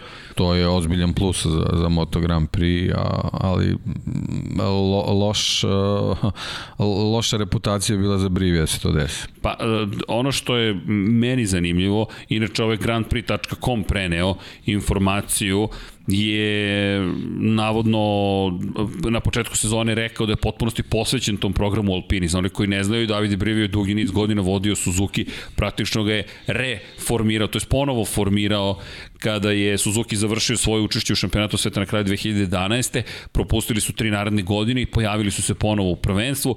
David je Brivio predvodio taj, taj ceo projekat. Zapravo kada je Brivio došao, već 2012. je počeo da sarađuje sa Suzuki kada se završila era Valentina Rosija u e, 2012. se završila, izvinjam se, 2013. je počeo da radi u Suzukiju, kada David je Brivio iz Yamahe otišao sa Rosijem u Ducati i potom prešao u Suzuki, Yamaha nije htela da ga prihvati nazad, htela je Rosija i njegove mehaničare, ali ne i Brivija. Brivija odlazi u Suzuki, formira taj tim koji prošle godine osvaja titulu zajedno sa Joanom Mirom, nisu bili šampiona, šampioni u konkurenciji konstruktora i odlazi u Alpinu koja je zabeležila pobedu ove godine, ali ono što je fascinantno navodno je rekao da je ovde da je organizacija u Formuli 1 toliko veća i kompleksnija sa mnogo više ljudi da, da to prosto nije nešto što mu nužno prija. Ali kažem, to su sada neke informacije koje su onako na nivou na nivou Tračina Giovanni Zamanji je neko ko kaže da će do Mizana zapravo biti odlučeno i da Suzuki je taj koji razmišlja o tome da, da ponovo uspostave tu vrstu saradnje. Pa Suzuki generalno videlo se da, da ovaj način da, da, da ovaj nekako upravni odbor rukovodi timom jednostavno ne, ne može na tom nivou da, da funkcioniše tako, posebno ne Suzuki koji ima neke ambicije da da ostane u tom vrhu s tim što, što je definitivno neophodno da se taj motocikl napredi. Očigledno da na ta, taj način rukovodđenja ne funkcioniše, nego mora da postoji čovjek koji će sve konce drži u svojim rukama, da kad je potrebno donese neke, neke ključne odluke, to je očigledno Brivio radio u, u, u prošle toj sezoni koja je bila generalno prepun izazova za sve, tu se Suzuki odlično snašao, pre svega zahvaljujući ovaj, s računatom Joanu Miru, to je, to je bila dobitna kombinacija i godina u kojoj to trebalo sve da se, da se da kažemo po ne, navodnicima unovči, to je da, da, da, Suzuki dobije i, i vozači Suzuki da dobiju konkurentni motocikl, nije se desilo iz prostog razloga što je Brivio otišao i onda je neka grupa ovaj, ljudi na čelu sa Shinichi Saharom u stvari koji očigledno nije uh, nije čovjek koji di, direktno involviran u čitavu priču razvoja, ovaj, nije, nije uspela da sprovede u delo. I to je to je ključni problem Suzukija i ovo mi onda deluje što je što je pozitivna stvar u stvari da su sagledali šta je ključni problem. Nedostaje menadžer. Tako Nedostaje je. menadžer. Ti kada pogledaš prema upravo tom istom izveštaju, navodno već mesecima unazad pokušavaju da novo, nađu novog menadžera. Nije to tako jednostavno. Mora da se uklopi na kulturološkom nivou. Hemija mora da postoji, morate da se poznajete. Činjenica Brivio, ukoliko se vrati, imaće pune ruke posla. Sada mora da ponovo gradi neki tim koji nije baš pokazao da, da kao što si je lepo rekao, da može tako jednostavno da funkcioniše bez njega, ali čujte, to možda može biti jedna od onih situacija gde je svima lepše zato što su ponovo zajedno. Prosto može biti, e, ok, u Formuli 1 bilo zabavno, dobio sam, ostvario sam san, nije to nužno. Ono, ono što je zanimljivo, mnogo gledalaca pita gde je Brivio u kadrovima iz Alpine. Ne znamo. Mi ga, mi ga jednom, ja mislim, mi smo videli na trci, videli smo ga na Moto Grand Prix kada se pojavio. I tamo je Pa dobro, generalno i Moto Grand Prix uvek bio povučen, nikad, nikad nije bio u prvom planu. Ali kad se vidi, ti znaš. Kad se vidi, znaš mu broj. Znaš mu šef. Komarac se pojavio, koji je ovo jesenji komarac, šta je ovo? Ali tu je, Eto, na komarci nisu na pauzi. Moramo da damo ime neko, da se vežemo. Joe? Pa ne znam, nešto Jedite će nas kod Joa, nek vas Joe jede. u studiju na kraju univerzuma. To sam uvijek htio da imam restoran koji se zove Jedite kod Joa na osnovnog crtaća. Samo sam to sanjao, eto. Da, to možda otvorimo. otvorimo. otvorimo prosto restoran jedite kod Joa. Dom Pablo već odmah. O, jedite kod Dom Pabla. I jao, ja, jedite kod Dom Pabla, koliko čovjek jede, vala, možemo da napravimo dva restorana. E, udrite like, molim vas, subscribe, udrite like, evo, imamo raznih zanimljivih tema, vidiš kako se stvorile, stvorile su se teme, ali znaš šta sam htio malo pre da kažem, u Moto dvojkama, odlaze vozači iz Moto dvojke, ali meni fascinantno, očekivao sam da će svi, egzodus da će biti iz Moto trojke, koliko vozača je ostalo u Moto3 kategoriji.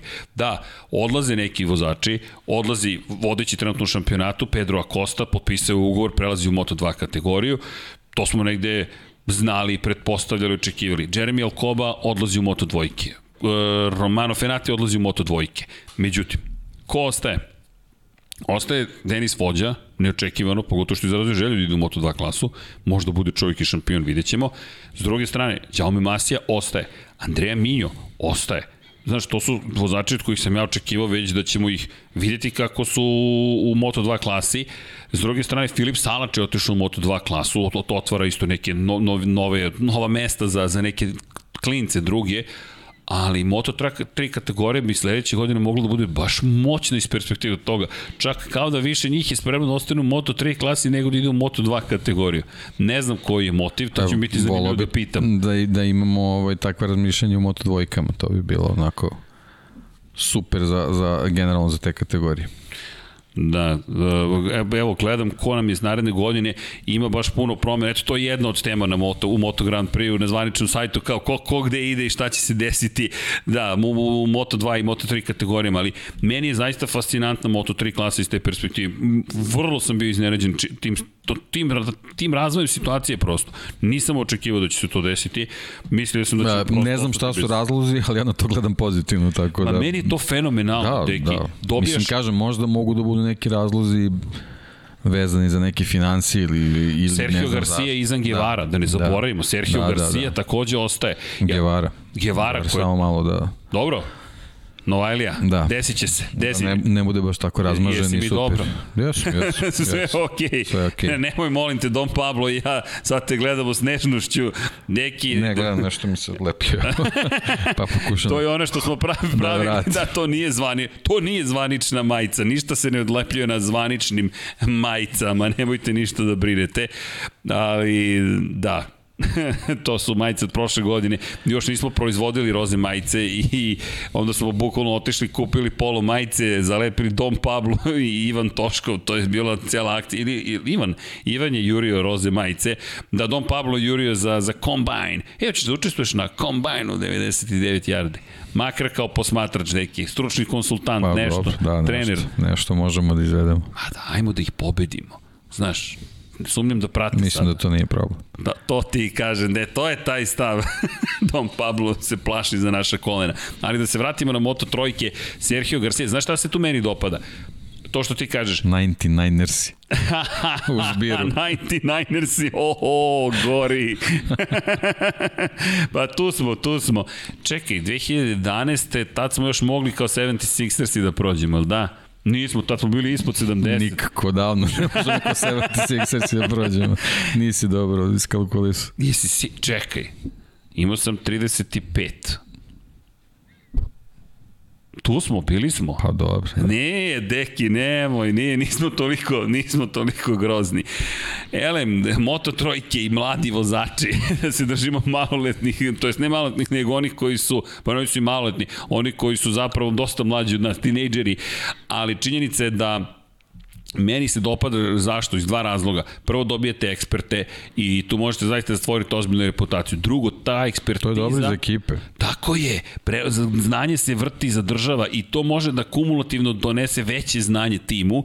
I još jedna treća stvar. Uđeš u Moto trojke, pod jedan, čekate ekspert, čekate ekspertska ekipa i čekate da to što ti donosiš iz svoje kategorije možda ništa ni ne znači. Da. I da ne možeš kao debitant da se pojaviš da, i da nije da, da se, se podrazumeva da ti je to samo nova stepenica. Tako je. I onda kažeš, ups, čekaj, kako da se dokažem sada u Moto trojkama kada su ovoliko dobri svi koji voze u Moto 3 klasi. Meni se to zaista dopada. Možda se to prenese onda i na Moto 2. A pritom, zatvaranje vrata koje će se neminovno desiti u Moto Grand Prix klasi. Zašto? Toliko ugovore sada potpisuju da ti poneste ti prostora. Poneste ti prostora da, da, da se probiješ u Moto Grand Prix kategoriju i mi sada gledamo već vozače koji moraju da čekaju. Hteli, ne hteli, moraće da čekaju. Srećom, nije kao Formula 2, pa ako osvojiš titulu u Formuli 2, ne možeš više da voziš u Formuli 2. Katastrofa od pravila. Meni to ne, nezamislivo mi je pravilo, ali dobro. U svakom slučaju da, Moto trojke, to, to je ono što je nekako zanimljivo u celoj ovoj priči i timovi, kada pogledaš koliko su moćne ekipe, ti imaš jednog Aki Aja koji vodi tim, imaš Ervean Ponšarala kako vodi tim, čovjek koji je šef teh tri ekipe i u Moto Grand Prix klasi, glavni čovjek IRTE, dakle udruženje međunarodnih trkačkih timova, zatim imaš Miodraga Kotura koji vodi Leopard Racing, imaš Prustil Grand Prix. Koji je Leopard ono iskustvo iz Ferrari. Iz Ferrari, ti Tako da sad možda u, ovaj, o, u svetlu te priče, da kažem, još uvek glasina vezano za Brivion donosi iskustvo iz Alpine nazad u Moto Grand Prix. Jeste, i, i, i onda idemo dalje. U svetu imaš Jorge Martineza Spara, imaš Maxa Bjađija, pazi ti koji su to šefovi timova, ja ne, ja mislim da je to najčešći šampionat iz perspektive šefova timova. Zatim, koga, sam spomenuo Prustel Grand Prix, imaš Marcela Prusto, Prustela koji, koji je zapravo čovjek koji vodi logistiku, to je logistička kompanija, velika nemačka, njegova fantazija je da ima svoj tim zapravo u Moto3 kategoriji i oni su s Becekijem se borili za titulu šampiona sveta. Da, stiže sa novom markom sledeće godine. Tako je, ima još jedna stvar, tim Honda Azije, tim Honda Azije postoji u Moto3 kategoriji. To je opet moćan tim. Sić 58 jedna emotivna, divna ekipa posvećena Marku Simončeliju. To je sve i dalje Moto3 kategorija. Michael Leverty nam stiže naredne godine kao šef tima u Moto3 klasi i sve to sutra može biti iz perspektive Moto2 kategorije nešto što nas takođe čeka. Yamaha naredne sezone otvara tim u Moto2 klasi, ko kaže da se neće spustiti u Moto3 kategoriju. Ja čekam taj dan, ako sretnem Jarvisa, ja ga ponovo pitam, Lin, kada stiže Moto3 motocikl? Kada stiže? Ne, rećemo, ajmo ovako da se dogovorimo, molim vas, džentlmenski. Ako budete pokrenuli intervju, Evo ja vas 10 godina već pitam za Moto3 motocikl, mislim da sam zaslužio na čistu dosadu, na, na stenicu da, da, da razgovaramo sa, sa Linom Jarvisom. Jer to je intervju koji želim si Jarvis šta sve ima da ti kaže. Inače Sunday Rider, čovek koji dođe na staze nedeljom i vozi sa svojih 70 godina. On i dalje vozi motor. I priča o tome ko se poštuje. Svi se oni poštuju, ljudi. To oni voze motore na stazama. Ne, dakle, to nije došlo sa motorom do staze. Ne, ne, oni voze, voze svoje trke, da li koje god da su vozi. Tako da... da, inače kad si spomenuo ovaj, Akija kao, kao prvo tih, tih ekipu, oni su radili jedan svoj CSI vezan da. za, za ovaj Austin.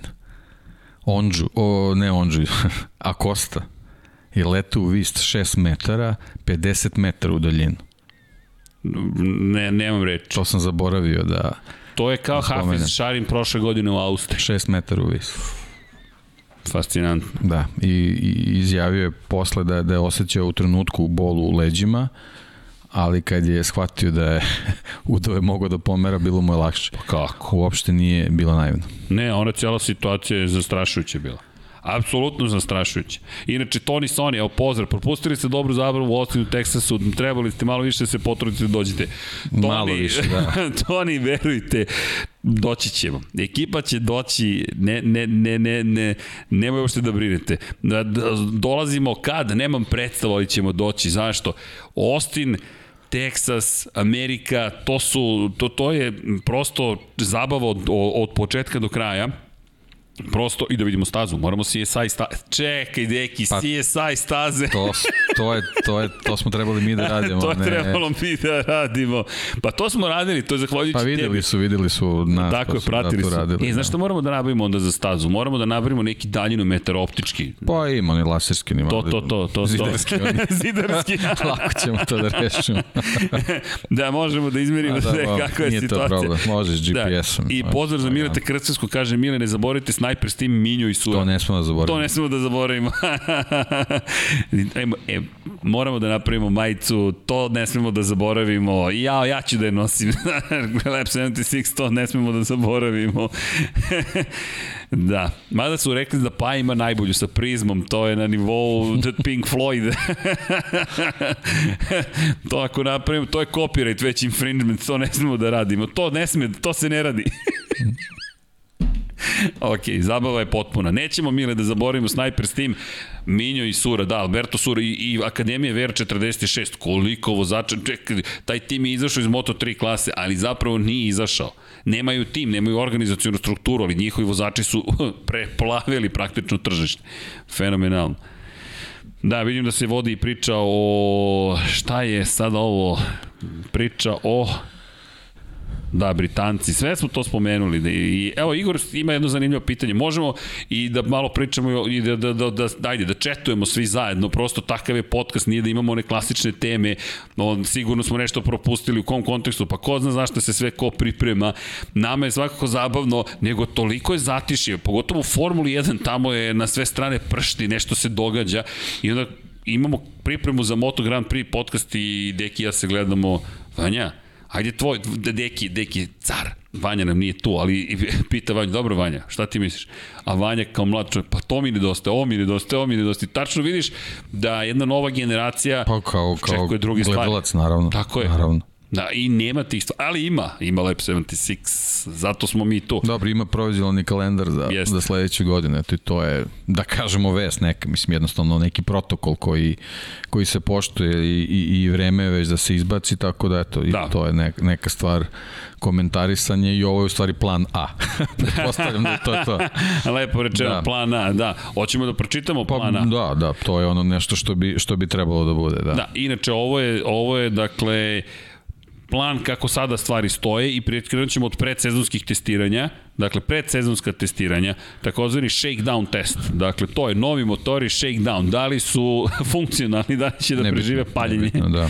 Ali to je fenomenalno.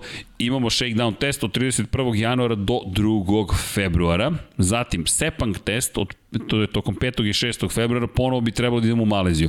Skeptičan sam blago, ali držim palčeve. Mislim da je svetski šampionat u Superbajku poslužio kao neka vrsta pokusnog kunića. Test prosto da li će stvari funkcionisati. Jer ukoliko se nešto desi loše, evo, koliko vas je čulo da je da su ekipe Superbajka imale pakao na dolasku u Argentinu. Inače, ta staza u Argentini se nalazi relativno, relativno. Ljudi, kad uzmete mapu i pogledate Južnu Ameriku, srećom, porodica mi je tamo, pa kad odem, 5 sati letim iznad Anda. 5 sati, ljudi, to, to, to nisu, to su masivi. Vi kada pogledate, pa kao od Buenos Airesa skočiš do Santiago, taj skok je 2 sata leta otprilike.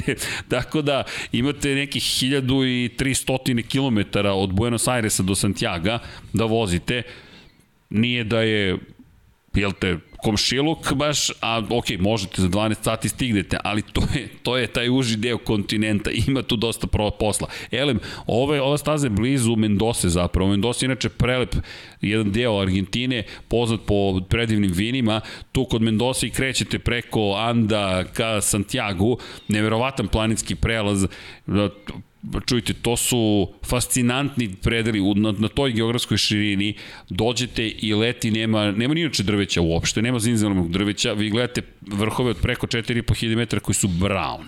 Vrlo zanimljivo. Elem, možete da testirate sa Superbajkom, šta god da se desi, nije toliki problem. S MotoGP-em ako se desi, to je drama. Ali, samim tim, možda taj test će nam i omogućiti zapravo da se zaista stvari dese. 5. i 6. februar Sepang, Mandalika, 11. i 13. februar, dakle Indonezija. Što nije loše, da. Nije loše. Nova Umesto staza. Malezije generalno. Tako je. Dakle, idemo iz Malezije u Mandaliku, pa da vidimo. Inače, u, na stazi u Herezu će biti Moto dvojke i Moto trojke, 22. 3. i 4. februar. Obično testiraju zajedno, trebalo bi tako da bude i ovoga puta. To je predsezonsko testiranje. Zatim imamo Katar, 6. marta bi trebalo da bude trka, prva trka sezone. Indonezija je druga trka sezone 20. marta. 3. aprila Argentina. 10. aprila Velika nagrada Amerika, Austin, Texas. Stižemo u Evropu 24. aprila, Portugal je dobio svoje mesto u kalendaru. Dakle, izborio se bukvalno da, Algarve. Ali sad iz iskustva, nažalost, iz prethodne dve godine u slučaju da se nastavi priča, treba računati, zato je vjerojatno taj termin tako i ostavljen 13. marta, možda još jedan Katar, na primjer. Uh, da, 13. marta potencijalno da, Katar. Umesto Indonezije. I nemojmo zaboraviti, to se ne sme... to ne smo da zaboravimo, ok, ušlo mi u glavu, a to je, mada Amerika misle da će biti održana, da postoji prostor i za dve Portuga, dva Portugala ukoliko zatreba. Ali mislim da će ga čuvati za kraj sezone umesto Malezije. Ok, Španija 1. maja, Francuska 15. maja. Tu sada već ulazimo u klasični deo sezone. Italija 29. maja, Katalonija 5. juna, to su ti dvostruki vikendi uzastopni, to imamo i na imamo i između Portugalije i Španije, Italija i Katalonija. Zatim Nemačka 19. juna, 26. juna Holandija, 10. jula. Da, da, 19. 26. Da, da, opet, da. i to je baš žestok tempo.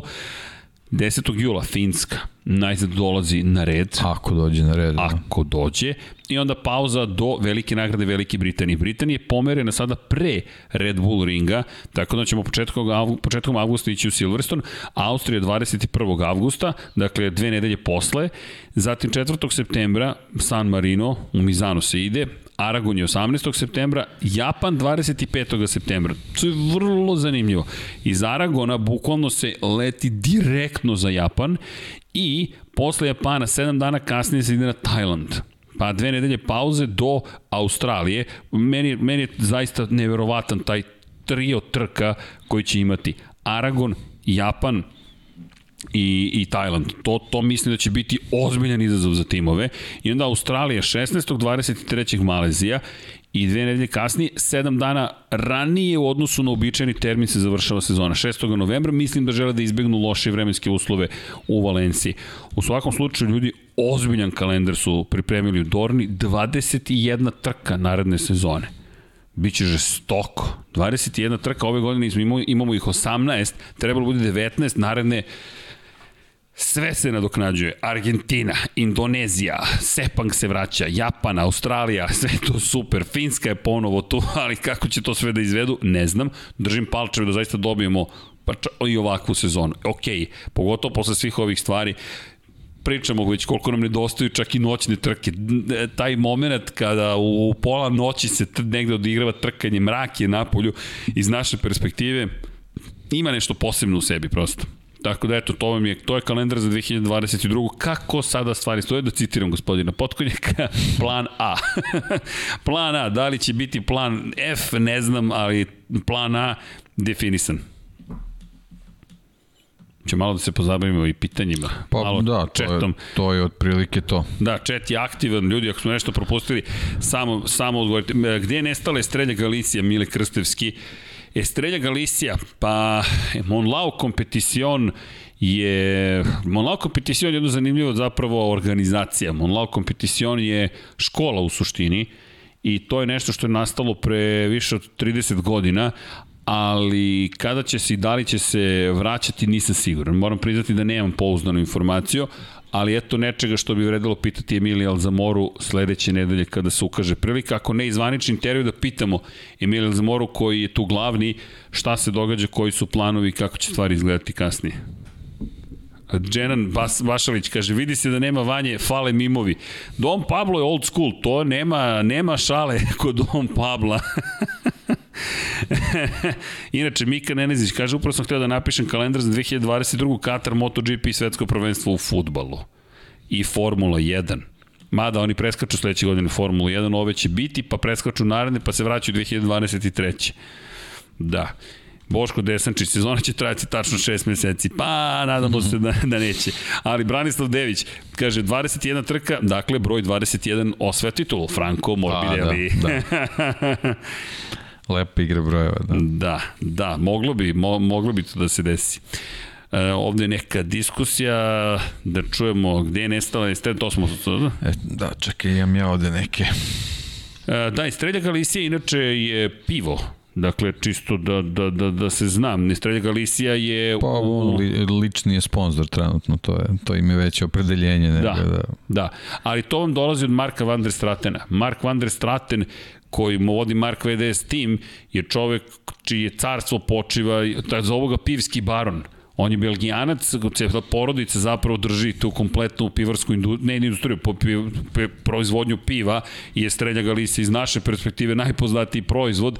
Estrelja Galicija 00 je proizvod koji se reklamira zahvaljujući tome što je bezalkoholno pivo u pitanju i Mark van der Straten vam je čovjek broj 1. On se pita gde će Estrelja Galicija biti. Možete često da ga vidite sa beretkom, ne beretkom, kako, koji je ono tip kape koji koristi? Da li je ono nisam siguran kako se zvanično zove, ali ga možete vidjeti malo stariji gospodin u Mark VDS Racingu, koji ima uvek svoj prsluk i svugde se šetka, on vam je multimilijarder. Dakle, čovek koji je našao zabavu u tome da ima tim Moto2 klase. Da, i jedna, jedna od prepreka ako možemo tako da kažemo, većeg angažovanja u Formuli 1, što je Estrella Galicia uz Carlosa Sainza juniora postala partner Ferrarija u Formuli 1. Jeste. I to je ogromnu količinu marketinških sredstava odnelo, tako da može to da bude jedan od razloga, to je neka njihova strategija u tom trenutku takva bila, tako da uz, uz braću Markezi, uz Carlosa Sainca, ovaj, to, je, to je ogromna količina novca vratno na tu stranu otišla. Jeste, inače kada spomenjem Monlau Competition, zašto? Estrella Galicia je sponsor i Monlau je formiran kao škola, kažem davno, davno, e, šta rade? To je nešto što i nas, naš san, ako se sećate priče da oteramo komarca o našoj, nadam se jednog dana Moto3 ekipi, moram priznati da nisam znao za Monlau kompeticijon kada smo prvi put počeli da pišemo ideju, ali šta rade zapravo? E, sa Repsolom vrlo blisko sarađuju. Monlau Repsol Technical School postoji, Monlau Motorsport. Bave se čime? Pripremaju mehaničare, inženjere, imaju motociklističku diviziju i motosport diviziju, nije ograničeno samo na dvotočkaše. Zatim imate motorsport kao koncept, takmičenju u automotosportu, imate usluge u okviru automotosporta koje pružaju, talent management, to je bukvalno menadžeri za vozače su, zatim imate organizaciju događaja i trenažne kurseve za buduće pilote, za buduće vozače i imate organizaciju simulacije, to je virtualne stvarnosti. Tako da je Monlau ozbiljna, o, zapravo škola pre svega i to je, to je reč o srednjoj školi, imate potom takozvane profesionalne treninge i Monlau mnogo toga radi. Podeljen je Monlau školu, e, imate profesionalne usluge i korporat, gde oni pružaju zapravo korporativne usluge nekim drugim kompanijama. Tako da Monlau je jedna velika grupacija.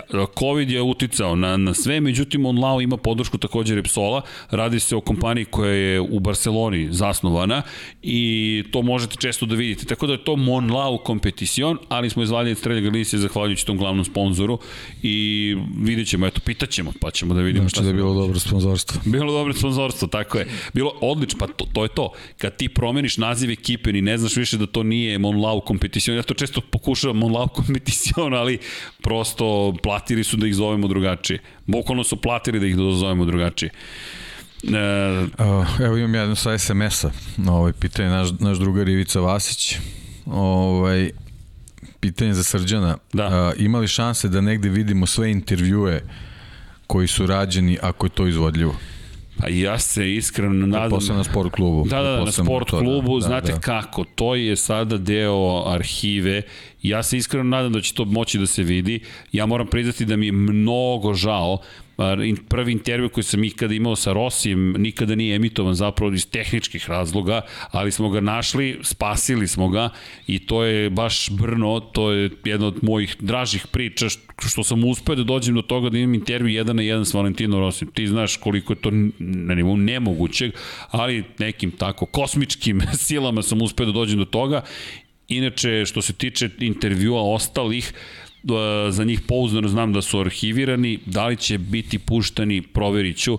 Znam da se o tome pričalo, ali znate kako to kad ode u arhivu, to je, čudesna je ta reč arhiv, gde je to u arhivi? Kao da si nekom rekao u glavobolji, ali potrudit ćemo se da ih nekako nađemo i nadam se da ih postavimo na YouTube, moram da proverim sa Dornom, pošto u to vreme, kada smo počeli sa intervjuima, nije se pričalo o digitalnim pravima toliko, tako da moram da vidim sa Dornom šta, šta sme da se postavi, ali potrudit ću se zaista da, da, da to stavimo i tako. Evo s Instagrama, mm, Emanuel Cetinić, pitanje za obojicu, kaže malo da se igramo. Da ste vlasnik tima u sva tri šampionata, koja biste, koju biste dvojicu vozača uzeli za vaš tim koji trenutno voze u tim šampionatima? Po Njegov vozača. izbor je Fabio Oliveira, u dvojkama Raul i Beceki, u trojkama Fođa i Acosta. Raul i Beceki. Dobro. I Fođa i Fođa i. Acosta u trojkama. Ja znam za Dekija, Enea Bastianini. Odmah da vam kažem. Uh, I što je najbolje da, svega, pa fantastičan je izbor. Da, pazi. Morbidelli Bastianini. Pff, kakva ekipa, Deki, o, raspoložen ovde gori. Treba nam ne kiše, moramo neku vatru ovde da napravimo, buf, burn. Ali da, ovo dobar tim, moram ti priznati, to baš ozbiljan tim. Koga bih ja izabrao za za Moto Grand Prix, au, ja bih išao na drugu stranu. Jao, znaš, znaš šta, gde se lomim? Marquez Banjaja ili Marquez Quartararo. Zašto? Zamisli da ih spakujem u istu ekipu. Martin plače. Trenutno Martin plače. Ne, Martin možda Sad on nesvestio, Ali da, vidi, da, da. vidi. Ali volio bih da ih imam u timu, da vidim, momci, ajmo da zakuvamo ovu Dobro, priču. to zahteva malo veće financije, ali dobro, okej. E, Da, da, ali Da. ako gledamo tako jedan novi vozač Martin svakako, Martin svakako, ali ne, ne, ne, ne, nije mi to cilj. Trenutno bih upario da vidim da li možemo da stvorimo McLaren 1988. To mi je, to mi je cilj.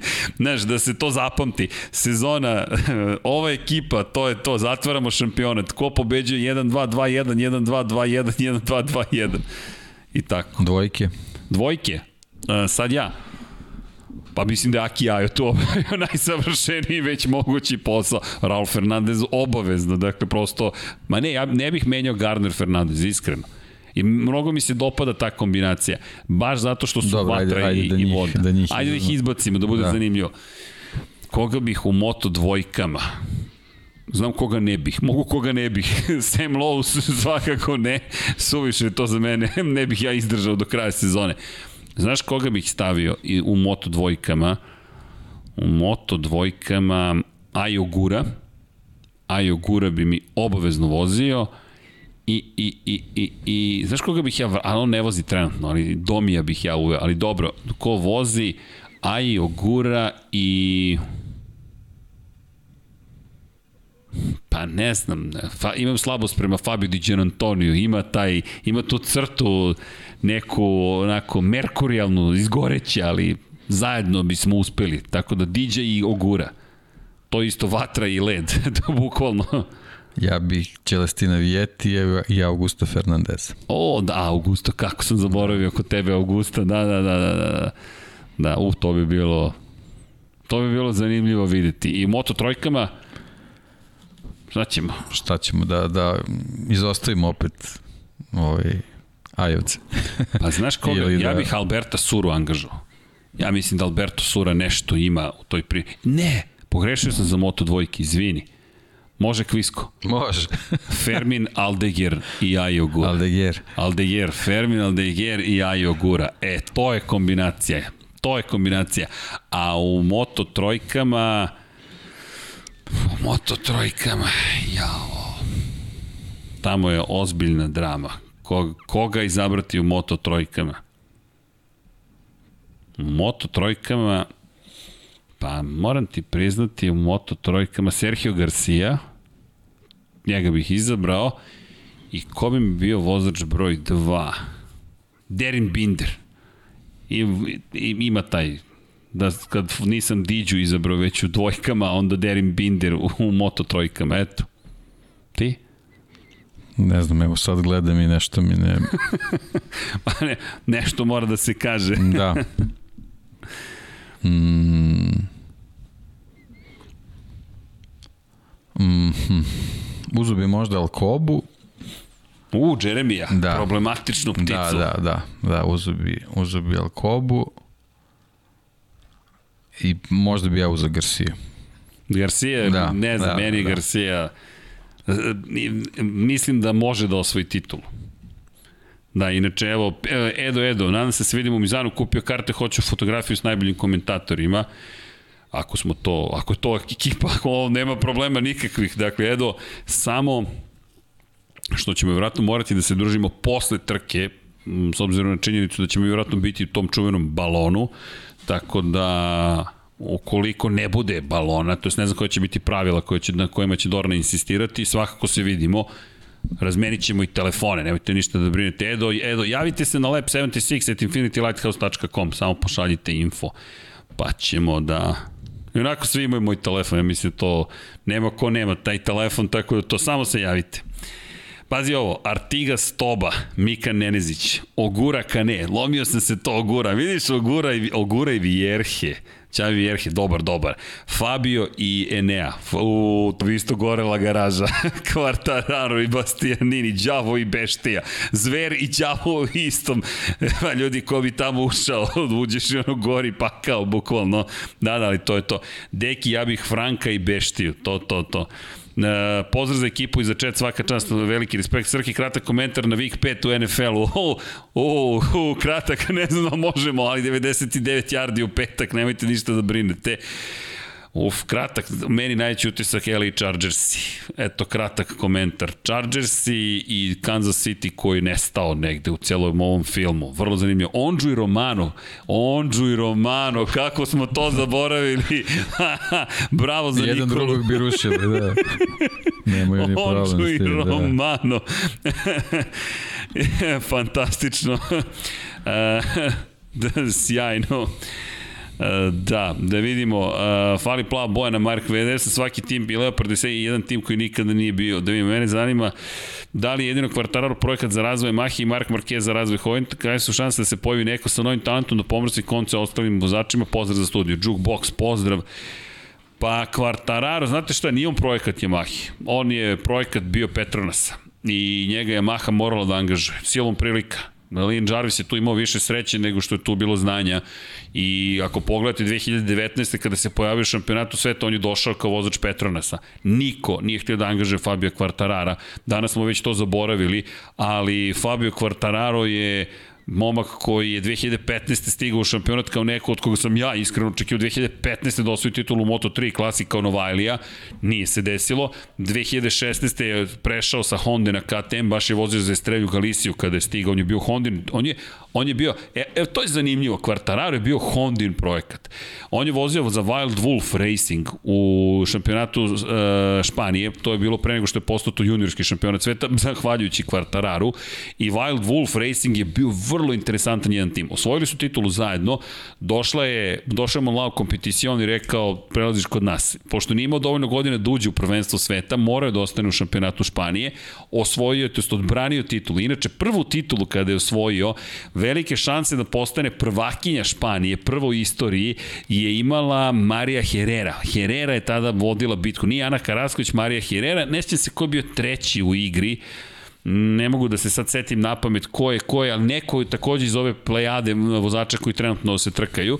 Ellen Quartararo odbranio titulu, dobio ugovor sa Monlau kompeticionom i onda, pošto je prve četiri trke morao da vozi mlađi od 16 godina, nastaje to Quartararo pravilo pod direktnim lobiranjem Honda.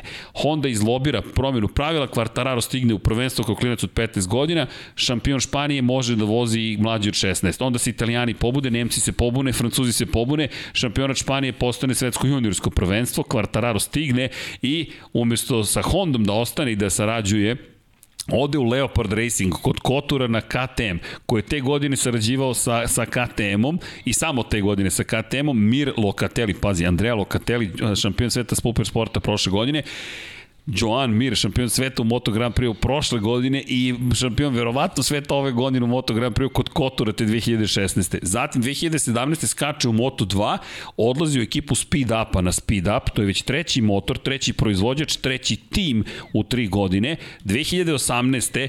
prelazi Ljudi, to, to je njegovo, to je bukvalno njegovo, ne, nije bio u speed upu, bio je kod Sita Ponsa, kod Sita Ponsa na Kalexu i onda prelazi 2018. godine na speed up, pobeđuje u Barceloni, sećam se, bili smo na toj trci, znam da je jednoj devojčici e, iz Srbije dao ni slajdere, e, sad sam zaboravio, e, da li je bio, da, 2018. u pravu, se, u, u, u, dobro sam se setio, ne volim da spomenjem imena porodice, pošto to je uvijek nekako intimno, ali pozdrav ukoliko ovo sluša i znam da je poklonio ni slajdere, to je bilo potpuno oduševljenje, nikoga nije jurio, oni su ga jurili, bili su u fazonu, ne, to je Fabio, Fabio dobija ugovor sa Petronasom, zahvaljujući toj trci, Johan Štigefeld, Razan Zali koji su vodili Petronas, kažu ajde da ga angažemo.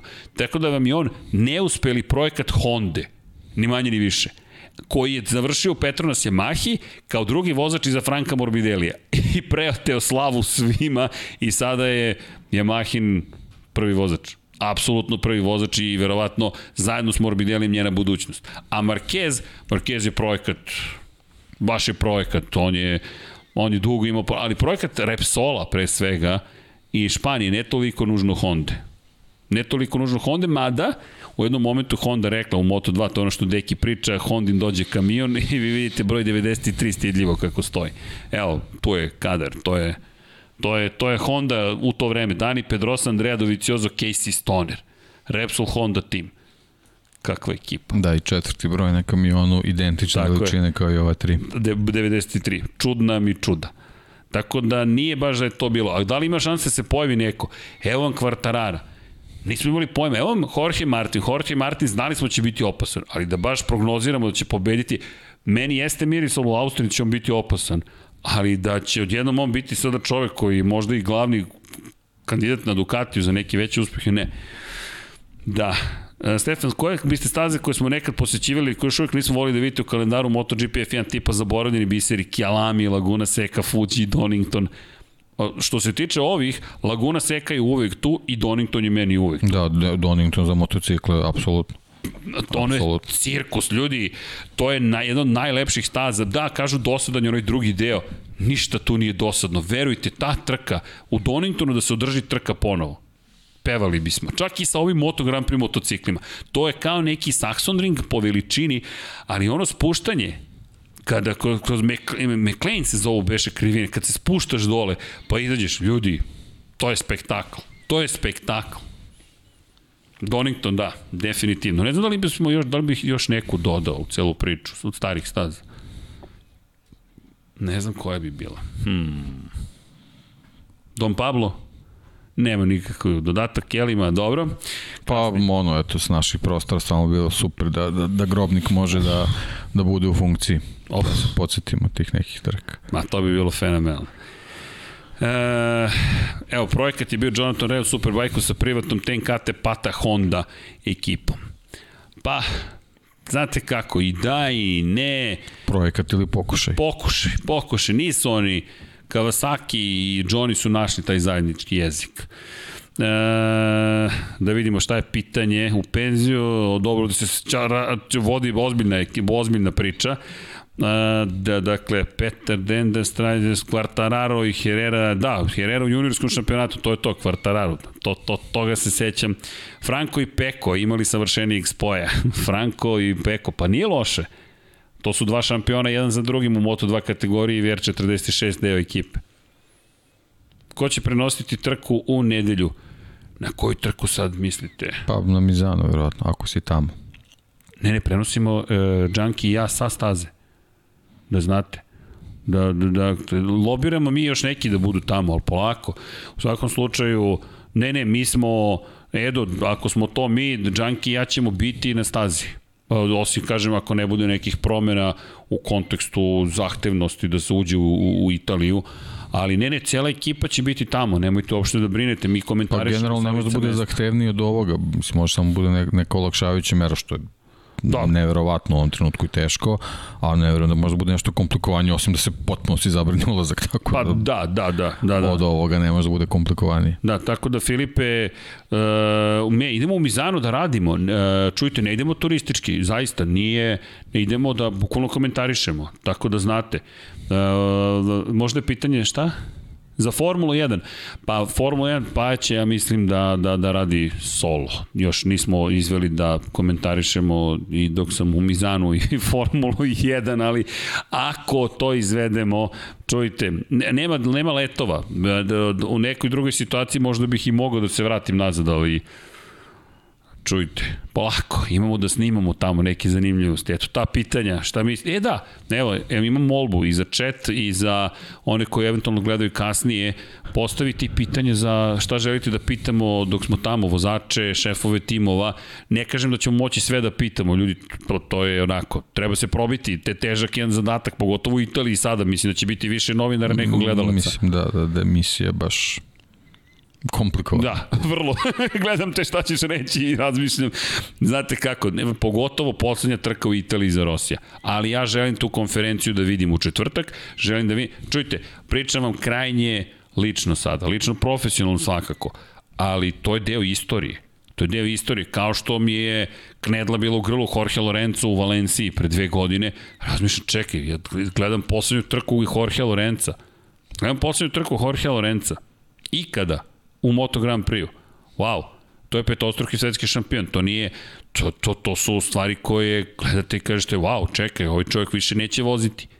Samo se setimo njegove pobede na Ducati u Muđelu i to vam je dovoljno za istoriju, a kamoli tri titula u Moto Grand Prix klasi i dve titulu 250 kubika.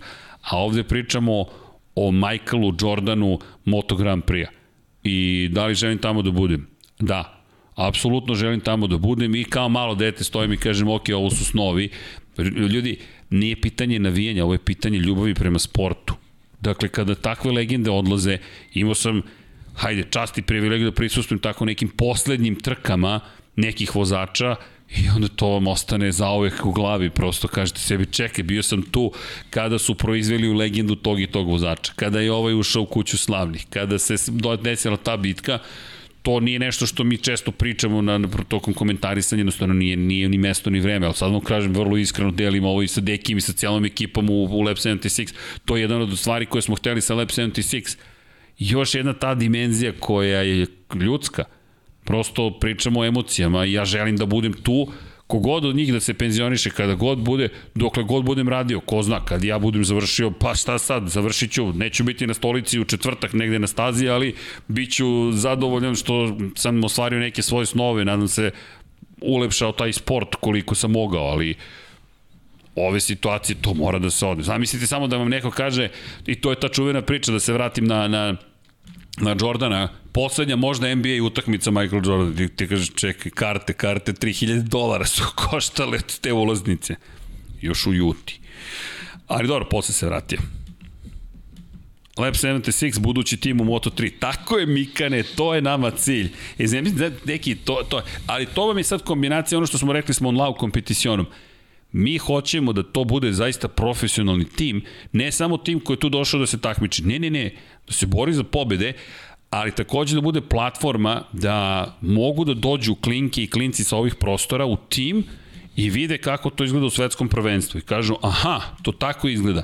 Jer tu postižemo nekoliko stvari. Ajde, dve velike stvari. Prvo, svest o tome da je to moguće, dakle, bez obzira dakle ste, kakve god da su okolnosti, ako smo dovoljno dobro organizovani, da, to se zasniva se na emocijama pre svega i zagrizemo svi zajedno kažemo ma možemo mi to i onda taj neki klinac, neka klinka dođe i kaže aha, vidi imam neka otvorena vrata i mogu da vidim kako to izgleda u svetskom prvenstvu. Stičem neka nova znanja. Zaposliš se. Pozdrav za Šejlu Čebirić, nisam je juče hvalio. Šejla vam je naša draga prijateljica koja sada radi u Red Bull Racingu.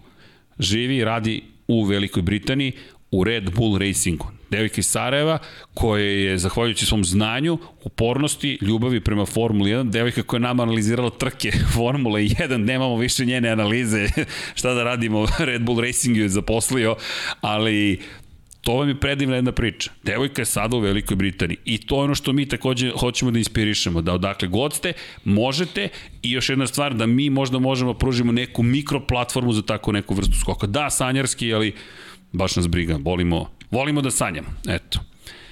Tako je. Mon Lau kompeticion. I, I to je, eto, prosto ideja koju, koju želimo mi nekako da ostvarimo. Kako? Ko to zna? E, Toba Tobajić, da li možete da nam ispričati iskustvo kako su mu obaveze kada komentarišete sa staze kako vam teče dan, kakve su obaveze, to smo juče pričali, deki ti ne smete da ponovim malo iz ekipu MotoGP-a. E, pa, evo, juče sam... E, prosto, evo Srki, zašto ne tim u juniorskom prvenstvu, Dženan Bašalić, ukoliko mislite ispuniti samo vozača svojih prostora. Dva razloga, Dženane. Da, treba da se krene od juniorskog prvenstva, ali ovo posmatram iz perspektive, to je neka moja druga karijera. Dosta dugo sam, radim u, u zapravo imam dve karijere, u marketingu i na televiziji. Dosta sam dugo u medijima ako se pojavite u juniorskom svetskom prvenstvu, vaša primamljivost za sponzore i medije je manja nego ukoliko ste u svetskom prvenstvu i to je kvantna razlika. Mi govorimo o potpuno drugim univerzumima. Ovde većinom mi volimo da pratimo svi zajedno i niže kategorije. Ali ako sutra odete kod sponzora i kažete mi smo u svetskom juniorskom prvenstvu, pitanja su uglavnom kada ćete biti u seniorskom prvenstvu. I sad, kada imate dovoljno resursa, možete da budete u dva prvenstva, ali pogledajte samo VR46 akademiju Oni ljudi nemaju resurse da budu u svim prvenstvima sveta, Moto3, Moto2, Moto Grand Prix. To je jedan Valentino Rossi koji nema te resurse. Razumete? Naša je zato ideja, hakujemo sistem, pojavimo se u svetskom prvenstvu i onda se kaže, a u svetskom ste prvenstvu. Da, znam da zvuči možda malo agresivnije, ali to je prosto to je prosto neka neka ideja. E sad, kakave su nam obaveze na stazi? Obaveze su već počele. Mi se prijavimo Dorni, pišemo svi akreditacije, zahteve za akreditacije, to sam juče pričao, mi smo televizija, mi plaćamo za pravo da prenosimo, tako da smo mi klijent Dorni u suštini, mi smo oni što plaćaju. I onda imamo malo drugačiji pristup, dobijemo akreditacije, određeni broj akreditacija, na, na osnovu toga mi zapravo pre toga formiramo tim. Tim su komentatori, snimatelj, novinar K, pozdrav za Jelenu Trajković, Dejan, za, za Dragana Kašarića, našeg snimatelja, Junkie Baby-a takođe, inače da znate objavljujemo i knjigu pesama uskoro Junkie-a, tamo nadam se da će završiti pisanje, pa kada god da završi objavit ćemo, ali prijavite se, zatim prelazite na sledeću fazu, a to je zakupljujete kabinu, potvrđujete kabinu, zatim javite svoje ekipe koja je zadužena za, za audio prenos, pošto mi šaljemo pre svega audio signal sa staze, da vam obezbedi internet dovoljno brzo i pouzdanu konekciju sa staze. Šaljete adresu staze, preko telekomunikacijih kompanija se to završava i imate obezbeđen prenos. Zatim, pripremate, šaljete zahtev za kamere, kodeke i tako dalje. Kodek vam je audio digitalni prosto konvertor, mi to nosimo na stazu, mi ubodemo mikrofone bukvalno u, u kodek, spajamo se sa Dorninim sistemom, mi gledamo ono što vidite i vi, ali mi vidimo nekoliko sekundi pre vas. Naš signal, uradimo inače sinhronizaciju, kada stignemo na stazu četvrtkom ujutro, idemo u, u medijski centar, bukvalno, to je ne medijski centar, idemo u centar za podizanje akreditacija. Podignemo akreditacije, pa trk u, medici, u medijski centar, pričao sam juče, ponovit ću gospodin koji me naučio. Nalepnica na stolu se ne plaća, neubiđen sam bio da se plaća i onda sam obigravao oko nalepnice kada sam prvi put u medijskom centru. Dolazi moj pametni, iskusni kolega i upisuje ovako ime na nalepnicu. Kaže, šta to radiš, deki? Pa rezervišem 100. Rekao, ok, rezervišem 100, deki, Zatim, dobijete svoj ormarić ako imate kamere, skuplju neku opremu, to, to mi je na raspolaganju samo u tim situacijama. Trk u televizijski takozvani sektor gde su TV kabine, tamo možete da uđete samo ukoliko ste komentatori ili deo TV ekipe, postavljate kodek, radite probu signala, gledate ekran i onda ponavljate. Evo, na primjer, ako, ne znam, Sad mi nemamo ništa što se mrda osim mene u ovom kadru. Ali, na primjer, neko se kreće kroz kadar i u ovom momentu ću ja, na primjer, da kažem ekipi sad.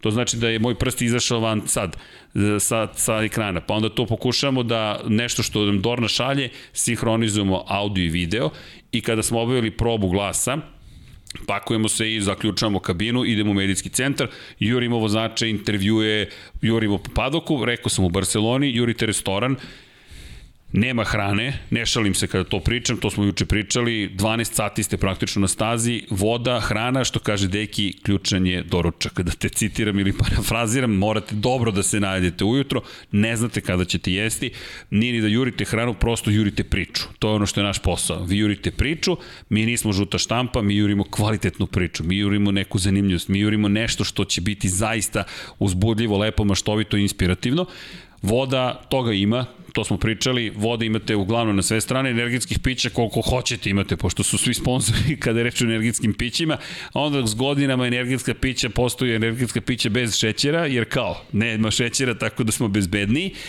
I to vam je Jurnjeva četvrtkom. Snimate sve što možete. Petkom idete u kabinu, komentarišete, klasično komentarisanje kao i u Beogradskom studiju, s tom razlikom što vam se kabina trese obično, jer kada prođu motori, znam da bo, u Brnu se bukvalno trese, u Brnu imate veliku ovako rupu, onako dosta rudimentirani, da kažem, medijski taj centar, ali staza je nekad bila zaista fenomenalna, sad to traži osveženje.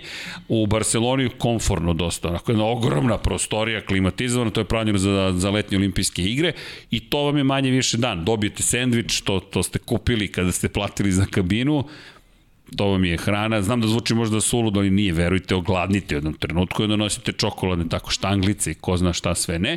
Kada se sve to završi, četvrtkom inače ode se na stazu da se prođe, i strči, ako smo pri snazi, malo se trkamo kroz krivinu broj 1, imate period dana kada možete da izađete na stazu, umeđu vremenu, kažem, gledate neke priče, pričate sa predstavnicima za medije, gledate ko će kada biti na konferenciji i tako dalje. Kada krene vikend trkački, onda se organizujemo petkom i subotom sa gledalcima s kojima smo se dogovorili da ih uvedemo u padok, da ih uvedemo u padok vodimo ih od vozača do vozača i govorimo u kojem vreme mogu da očekuju da će se neko pojaviti da deli autograme. Bio to Rossi koji je najpopularniji, bio to Marquez koji je drugi najpopularniji, bio Rins, bio Mir, bio neko iz Moto dvojke, Moto trojke, njih možete uglavnom da sretnete na motorima, na skuterima se skitaju po padoku to vam je, to vam je tako otprilike izgleda vikend, obaveze, obaveze da pripremimo prilog uveče, da se javimo redakciji, kažem, nosimo ovaj računar sa sobom, dobar je, brz je, možemo da renderujemo sve što je treba da pošaljemo direktno u redakciju, da se to emituje na TV-u,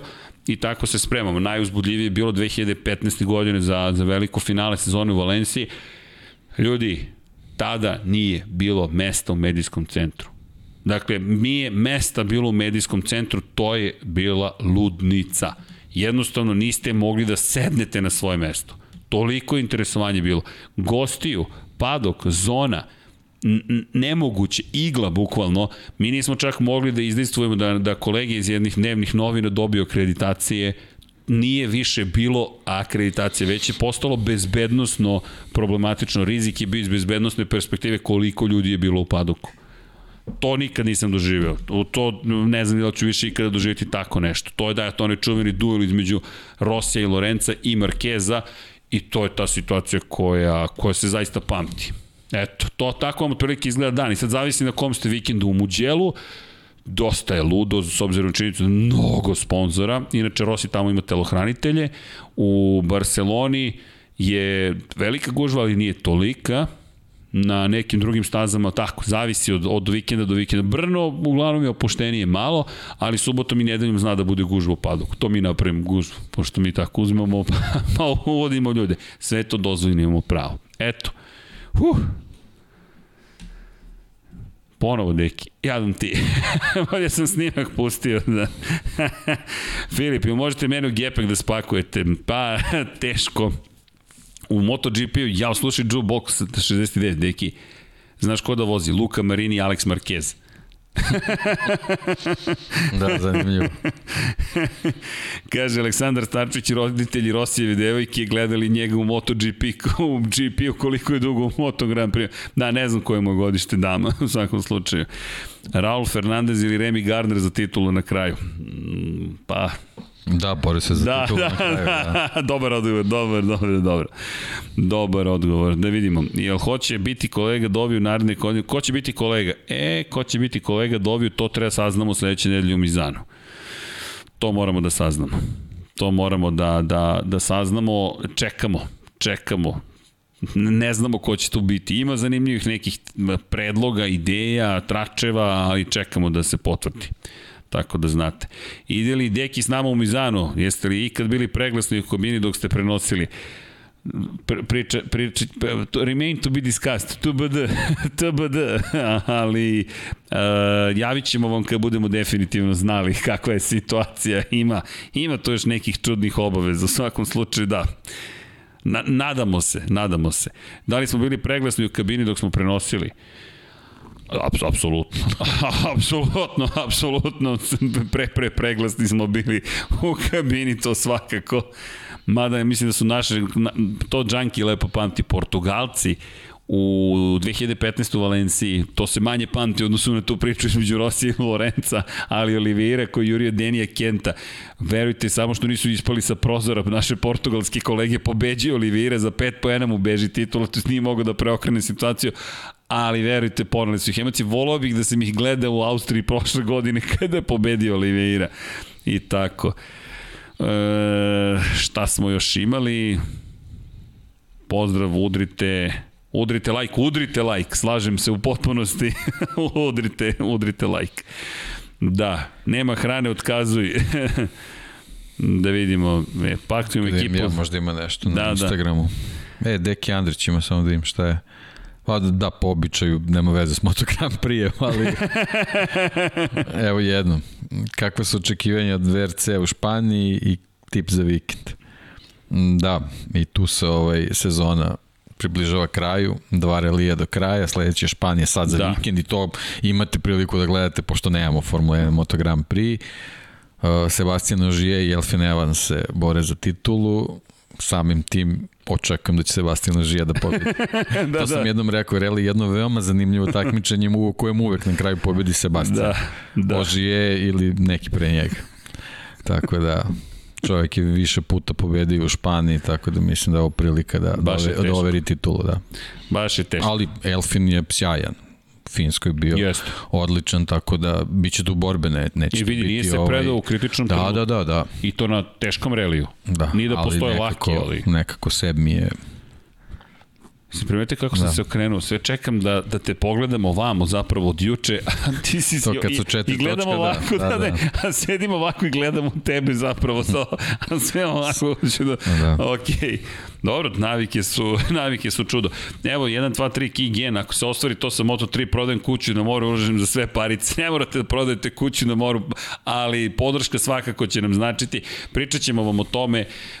Čekajte da mi sredimo prošle godine imali smo... Nije strašan budžet generalno za trojke, nismo nikad pričali o tome, mislim. Pa sad, Jeste to cifra, ali nije, nije to dramatično. Mi mislimo da, znate kako, da. sve to stvar perspektive, ali negde oko milion dolara, milion evra je za skuplji tim. Možete Ma, oko 500.000 može Tako da se je. prođe s tim što mislim da ima neka donacija Dorne Jeste. za motore, za agregate. Jeste. Da budem precizniji tokom sezone. Tako Treba da, vam tako. To ne, ne ulazi u tu cifru, ali oko 500.000 da dva, da dva vozača mogu da funkcionišu Jeste. sasvim pristojno. Napravili, pa to je, znate kako, opet, to je, to je malo onako na na energiju, entuzijazam, na tako neke stvari. Tu pa, se treba malo i sreće imati. Tako je sa nekim dobrim rezultatima u početku nešto može da pa. se dopuni vezano za budžet, pa bez, da. bez puno kvarova Zašto i tako dalje, tako dalje. Budžet, važna je organizacija, to da, je da. Miodrag Kotur savršeno pisao. Posao ekipe je da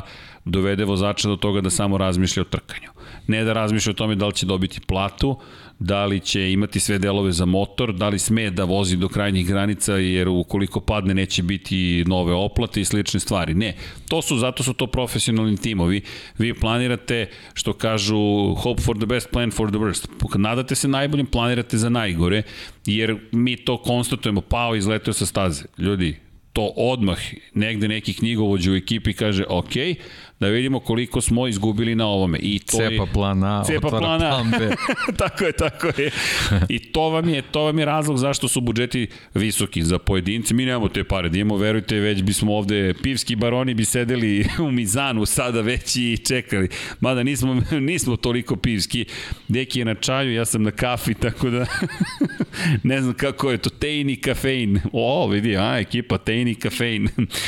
Dobro, raspoloženje, deki se već se zabrinuo gde će ova emisija da ode, neće daleko, ali tako da znate, to je otprilike neki budžet. Inače, jedan od budžeta, da i ne imenujem ekipu, koja je imala jednog vozača i plaćala sve po tom čuvenom full rate kardu ili ti po cenovniku, pošto kada plaćate po cenovniku, to znači da niti ste pregovarali, niti ste pitali za popuste, milion i 150 hiljada evra je bio godišnji budžet za jednog vozača.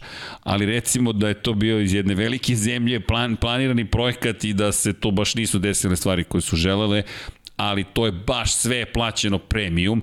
Mi ne patimo za time da bude premium, snaći ćemo se. Cilj jeste da se dođe do uspeha, da se uđe prvo, pa potom da se ide do poena, pa do pobedničkog postolja, pa do pobede, pa do titule. Prosto nije samo ideja, e, mi smo bili 22. danas. Ne, ne, ne. Ideja jeste da se stvori zaista pobednički mentalitet, pobednički duh, jedno okruženje u kojem stvari mogu da se dešavaju. Čujte, evo, mogu da vam kažem vrlo iskreno, Deki to zna, nas dvojice znamo. I kada smo prvi put pričali i o podcastu i o studiju i bilo čemu što trenutno radimo toliko često da smo više u studiju nego van njega, dosta smo dobili odgovora da nismo baš sasvim svoji i da to ne treba da radimo jer to neće ništa doneti, ne, ne, nema nikakvu svrhu. Mi se prosto nismo složili i da smo krenuli od racija ne bismo ništa ni postigli. Sad radimo stvari koje ja nisam ni sanjao da ćemo raditi. Izdali smo knjigu ljudi i, i ne reklamiram ja, prosto hoću kažem sam ja ponosan što smo izdali knjigu i to je Dekijeva knjiga, pa to ne možete da budete srećni od toga. Ista vam je ideja i sa Moto3 timom. Postoje pravila igre, postoji kako se to radi, postoji način koji se formiraju budžeti, zašto mi gledamo više ka, ka, ka zajednici nego ka jednom sponzoru. Kad imate jednog sponzora, taj sponzor tu je jednu sezonu, možda dve, njemu to pitanje da li znači to previše. Zašto je Mark van der Straten toliko važan za, za, za Moto2 kategoriju? Njemu znači da ima tim u Moto2 šampionatu sveta. Prosto to je milijarde kome je to ne samo zabava, on zaista voli da se trka. On je imao automobilističke timove, izašao je ogorčen iz tih takmičenja, ali to vam je ideja, prosto, eto, tako da znate. Joe Valentan. Joe, Joe. Watch. Joe je na Valentan, da, da, da. E, zašto E, Boris otvorite? Trutin, izvini. Da. Uh, Moto2 ste se fokusirali samo na Remi i Raula, a idemo u Italiju bez Eki, bez Eki Diđa. Nismo pričali generalno o Mizanu, zato... Da, da, zato nismo, nismo najavljivali, ne, nismo. Da, be, bez najave bilo. E, Edo, Edo, inače pita, izvini, da li se na tribine može s ruksakom napunjenim pićem i sendvičima? Mislim da piće može da se desi da vam oduzmu, zato što tečnosti generalno znaju da oduzimaju, ali zavisi. Meni su, na primjer, izbacili dezodorans. Iako sam ulazio čak na medijski deo, bukvalno su uzeli moj antiperspirant dezodorans i bacili ga šta da radimo, ali ne znam zaista. E, zašto ne otvorite na akaunt na nekoj kripto menči da se može donirati u kriptovalutama Adnan Sarajlić? Adnan je zato što bi nas verovatno uhapsili kad bismo to uradili, ne zato što mi to ne želimo, ali to nažalost nije regulisano i dođete u te situacije papirologija, papirologija, papirologija, ali ukoliko se to pokaže kao mogućnost, da svakako ćemo i to uraditi. Prosto nam, prosto to je nešto što bi naravno značilo, ali kažem tu postoji sad problem poreklo novca, antima, to je vam je AML, KYC, Know Your Customer, anti-money laundering, pošto to da biste postigli, vi morate legalnim putem da se pojavite, neko vas pita dobro poreklo novca i vi kažete kripto menjačnica i nema podcast se snima iz drugačijeg studija. Mislim, prosto, nažalost, volili bismo, ali ne. Da li može Moto Slavija da se zaradi od ekipe u trkanju? Ne. Možete samo da izgubite novce, da kažemo, citirat ću ponovo Edija Jordana, čuvenog osnivača tima Jordan, Grand Prix, ukoliko želite da postanete milioner u Formula 1, počnite kao milijarder. Ljudi, tu povraćaja novca nema. Koliko god da delovalo, zašto svaki šef ekipe zapravo gleda kada dobije novog sponzora da kupi skuplji deo, da nađe bolje... Aj mora Dorna nešto zaradi. A i mora Dorna nešto da zaradi. Ili u Formuli 1 ekipa koja vodi Formulu. Tako je. Taj Liberty novac Media. ode tu i to je to, ostalo je samo neki Tako je. flow. Tako je. Srki se vraća iz Miljana. Kao kad sedete za poker sto. Da, da. Pa, znate kako, naša, naši motivi su neki drugi. Zarada tu, tu, tu, tu, nema tu te vrste zarade. Jednostavno, nema je. Volili bismo da vam kažemo da je drugačije, ali nema je ali podrazumeva se da ljudi koji to rade budu plaćeni svoj posao. Inače, to nije nešto, fan, neko fantastično plaćen posao. Ovo je, ovo je iracionalno. Sve ovo što je trk, automoto trkanje preskupo, iracionalno je. Možda se obogati neki vozač Moto Grand Prix imate možda neku vrstu... Da, pričamo o ekipama generalno. Pa, Lučio Čekinelo eventualno možda možete da se pohvali da, da živi drugačije, ali Lučio je... To je plata, mi to, pričamo da. o ekipi. Ekipa ne. Ekipa... Ekipa ne. Ne, ne, ne, ekipa, ljudi, ne. Pa, Reps, bunar, bunar. Bunar, bukvalno tom je bunar. Repsol Honda ima najveći budžet, potrošit će ga 80 miliona dolara godišnje. Ljudi, ne, ne, nisu oni u plusu. To je u napred. Zašto se ide pred upravni odbor? Pa ne zato što su u plusu, nego zato što su stalno u minusu. I onda vi dođete pred upravni odbor kompanije koja kaže čekaj, mi smo kompanija, mi smo entitet koji treba pravi pare, a vi iz trkačkog tima samo trošite pare. Što mi da, ali zvuči... gradimo imidž. Tako je. I onda to ko je pametniji kako može da plasira. Ali mi kada osvojimo titul, onda vi Neka nas... lepa prezentacija i Tako sve je. prođe lepo. I imate još jednu prodaju, šta, kako je Ducati prodao Filip Morrisu i Filip Morris to sa zadovoljstvom kupio, a to vam je corporate sponsorship. Samo da ponovim još jednom, samo zamislite da ste potencijalni partner kompanije poput Filip Morris, koja se nigde ne potpisuje na Ducatiju, ali pozove vas neko i kaže da li se želite ovoga vikenda u Mizanu da upoznate Francesca Peka Banjaju i Jacka Millera. Iza kulisa, VIP lounge i poseban koktel party uveče u zamku u, u San Marino. Pa, i nije tako loše. I tako, eto. E, tako da naći ćemo nekog da finansira. Samo kada će opet devojke sa kišobranima? Mislim da to se više neće vratiti. To je samo naše mišljenje. Tako da znate. Evo Pivke kaže da, ali reklama je vrednija mnogo više od 80 miliona. Pivke iz naše perspektive da, ali evo koliko ljudi znate koji se racionalno ponašaju na svojim poslovima, u, pogotovo u upravnim odborima. Bukvalno, gde je pitanje ko je moćniji, a ne da li je to pitanje isplativosti ili ne. I zaista se svodi na, na lični moment. Često imate, zašto kada se promeni glava, če, čelo autokompanije, mi gledamo da li je ljubitelj automotosporta ili ne. Jer ta glava bukvalno odlučuje na iracionalnom nivou. Kažem, ja to, mene to ne zanima. I na iracionalnom nivou oni koje to zanima kaže idemo investiramo u to. Tako da znate, evo Vujasinović, za, za nalepnice nisam shvatio, gospodin Vujasinović, negde sam propustio nalepnice, E, Srki, ponesi nalepnicu, su lep svih i pita neko iz Moto3 da zalepi na motor barem na treningu. Verujte, ja bih, ali bojim se... To ne bio. bojim se da neće to moći. Evo, Zlatko, Titan i Lijevski, devojki, njihove žene sa kišobranima u British Superbike-u. Eto, to je rešenje. Kod Marije Herere, Ko je, ko je vozio, e, nemačka vozačica je imala... Katja Penzgen. Penzgen, Katja Penzgen, tako je, deki. Katja, Katja je osvojila Dakar, beše. Je li tako? Nije. Nije, nije. nije Katja, ko je Jutta bio? Kleinschmidt. Jutta Kleinschmidt, da, Jutta Kleinschmidt, da. Ali Katja Penzgen je imala momka s kišobranom.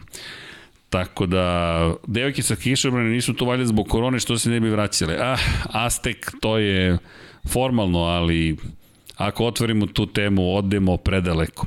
Kada budete ušli u MotoGP, hoće li Matt Oaksley ili Simon sedeti u Lab 76? Hoće. Ho, ho, to, molim vas, pa Matt Oaksley, Matt Oaksley se podrazumeva da će sedeti u Lab 76, tako da nemojte ništa briniti. Ako ne fizički ovde, mada se nadam da će doći i ovde, ali hoće. Simon je inače potvrdio da će biti u Lab 76, a potvrdio je, mogu vam odmah reći, David Emmet, samo što tu imate, morate da imate istrpljenje za nas, pošto da bi za sve one koje eventualno ne razume engleski mogli da simultano prevodimo, jer to je na engleskom, pa to zamislite tek podcast koliko će da traje kada mi prevodimo, ali eto. Nismo prokomentarisali fantazi prošle nedelje, jao neki, evo ga, fantazi MotoGP da prokomentarišemo. Fantasy, fantasy, fantasy. Ja ne sam tamo ni da uđem više. Sve što sam birao. Mada, mada moram ti reći da sam skočio na 298. poziciju.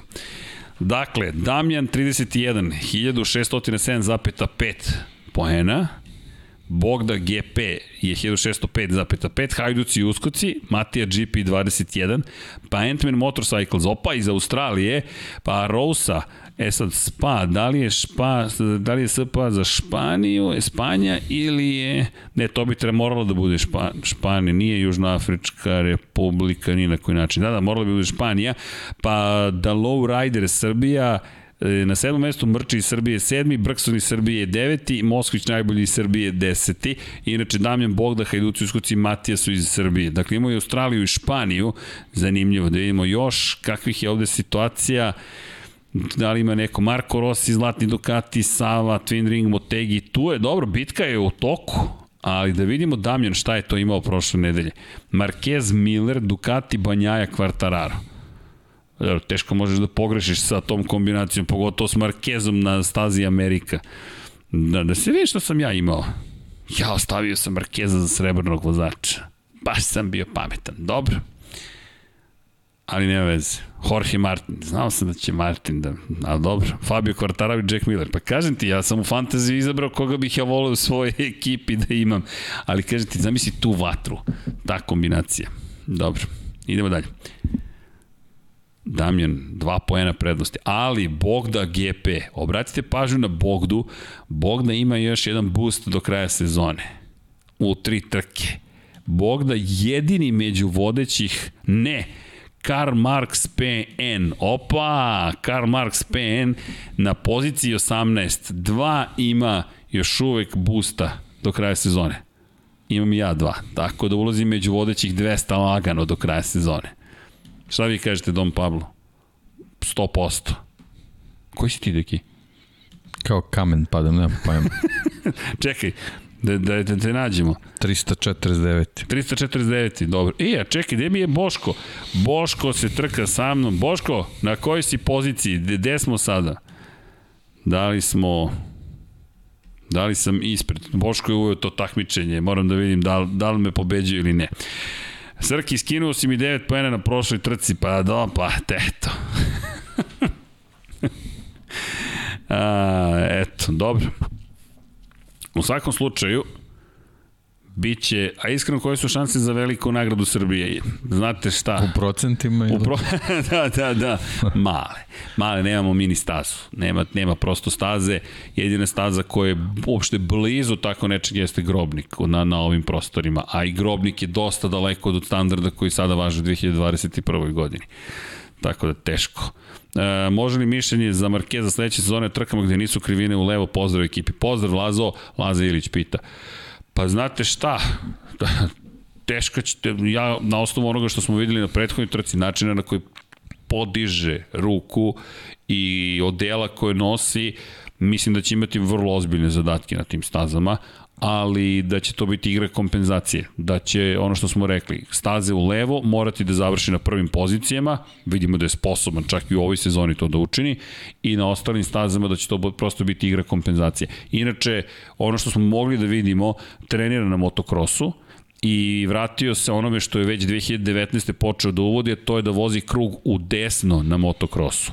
To nije prirodno da se tako izrazim i to čak nije ni klasičan motocross, to je onaj dirt track u suštini gde imate krug praktično, više me podsjeća na speedway praktično nego na nešto drugo i prosto u krug, u krug ide, uvek je vozio u levo, onda od pre dve godine počeo da vozi u desno, tako da trenira, trenira. Boško 261. Dobro, pratim, pratim. Može li zimska pauza da prođe u podcastima sa vozačima kao sa Vinjalesom? Filipe, radit ćemo na tome. Radit ćemo ozbiljno na tome i nadam se da će toga, da će toga biti ponovo više nego u poslednje vreme. Tako da znate. S obzirom na činjenicu da smo mi imali ovde interno milion nekih stvari, ostvarili smo neke stvari koje smo želeli, ali sad idemo na, na neke druge. Verujte, bavljanje web sajtom je bilo mnogo zahtjevnije nego što iko pomislio. Mislim da više papira u životu nismo potpisali, pečatirali, primenili, napisali, proverili i tako dalje.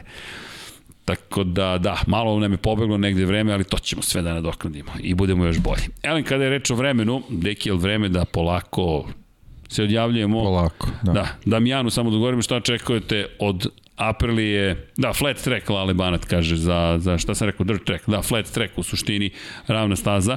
Šta očekujemo da Aprilije sledeće sezone može li do pobede? Ja mislim da može. Zaista, Vinjales imaće svoje momente inspiracije. Ba, baš će da ima svoje momente inspiracije. Tako da ga očekujemo. I što se tiče Real i Topraka, ljudi, pričali smo o tome negde na početku emisije, teško. Ali moram ti priznati da imam utisak da Toprak ovo može da dobije. Ja ću da glasam za Real. Za Real, okej. Okay. A dobro, eto da bude zanimljivo. Da bude zanimljivo, da. okej. Okay. Lepo. Uh, U svakom slučaju super vikend. Tako je. Da, Superbike, predivan VRC. vikend. Predivan vikend.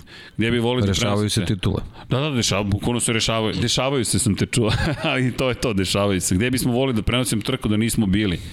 Pa Laguna Seka, Kota, ja bih svakako volio Kota, Argentina takođe, to je nešto što bih volio, ali, ali, znam na Keca, da imam, imam tri staze koje, koje sanjam od ekstremnih, da kažem, staza, Ostrovo Filip u MotoGP-u, apsolutno, to, to, to sanjam da gledam onu poslednju krivinu, Suzuka u Formuli 1 i Thailand MotoGP. Kažu da je atmosfera na Thailandu neponovljiva bila kada je reč o publici, tako da eto, to bih to bih, to bih volao. E, ljudi, vreme je da se polako pozdravljamo i da se družimo, naravno, što i utorak i u sredu, ko prati američki futbol već i u petak, mada sutra pratiti Infinity Lighthouse, nadam se da vas čeka do prijatno iznenađenje. Deki, ja ćemo opet nešto tu malo da čavrljamo o nekim stvarima, nekim automobilima, nekim filmovima, pa eto, malo ćemo da se družimo iz te perspektive, to uradimo s vremena na vreme, ima taj jedan gospodin koji inspiriše, to očigledno celu planetu, pa ćemo i malo da se bavimo time kako nas je inspirisao. Nadam se da ste uživali. Veliki pozdrav ime cele ekipe. Kao i uvek, vodite računa jedni u drugima, vozite računa jedni u drugima. Mesec je, mazite se i pazite se svakako. Mesec inače borbe protiv raka dojke. Ozbiljne stvari su u pitanju. Pre tri dana smo imali svetski dan psihičkog zdravlja, mentalnog zdravlja nisu naivne stvari u pitanju, koliko god neki put samo kažemo, ma sve je u redu. Ljudi, svi smo prošli teže ili lakše momente u životu i kada imamo svest o tome i kada pričamo otvoreno o tome, bude lakše. Tu je ekipa uvek Infinity Lighthouse-a, što Lab 76, što Kosmosa. Ja danas nismo neki komentarisali lansiranje kapetana Krka u svemir, htio sam da se pojedem, ali dobro. Eto, to nismo danas stigli da uradimo. Ode kapetan Kirk u svemir, ali dobro.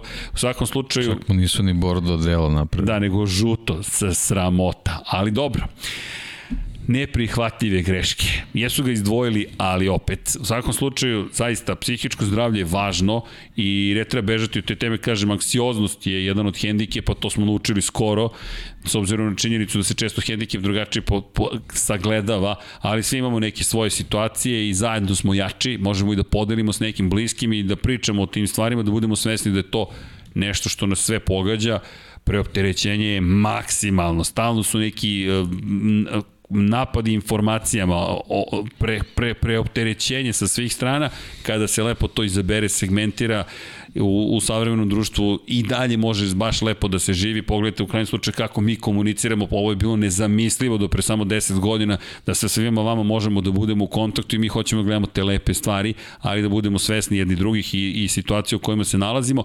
Kažem, meseci borbe protiv raka dojke, momci, podržite svoje devike, devike, testirajte se devike, žene, mame, sve dame, povedite računa, rana detekcija može zaista da dovede do toga da do izlečenja praktično ili do toga da se život produži i da oni vaši voljeni vas i dalje imaju na ovoj planeti i da zajedno gledate Moto Grand Prix na primer ili Formulu 1. Juče smo dobili lepu poruku na Instagramu da se jedno dete uspavljuje time što zajedno sa roditeljima gleda Formula 1 i MotoGP, plače do trke, tokom trke spava fascinantno, eto, tako da znate kako može to sve pozitivno znači, da utiče. Što više ovaj, safety car, super.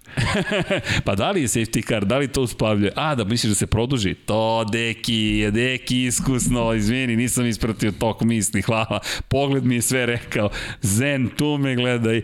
Ali zaista, povedite računa, momci, podržite dame, što se nas tiče, nosit ćemo roze majice kao na, čin povećanja, podizanja svesti. S druge strane, Da, možete da podržite i cijelu ekipu Infinity Lighthouse-a kroz shop.infinitylighthouse.com bukvalno nas podržavate da budemo nezavisni da ostvarimo te snove koje imamo, kao što možete vidjeti, da, možemo da zakasnimo, ali ćemo svakako ostvariti. Stvari. Jedno od pitanja je bilo za Bosnu i Hercegovinu, kreću paketi, imali smo ko imao Kimi majice, tu smo imali peh u magacinu, nažalost, i to smo naučili kako izgleda peh u magacinu. Nismo slupali motor, ali smo slupali nešto, pa onda kao, pa šta ćemo sad? Pa, sad ćemo da pravimo neke stvari iz početka, tako da taj čuveni budžet, da, da to postoji svugde, nas podržavate, pročitajte knjigu, predivna je, crveno i crno, Schumacher, Dekija Potkonjaka, to je naše izdanje, pre ponosni smo Infinity Lighthouse izdao knjigu još Dekije, fenomenalno, tako da to možete da nas podržite i Naravno, hvala svima koji nas pratite, patreon.com kroz Infinity Lighthouse, svi koji ste nam pokrovitelji,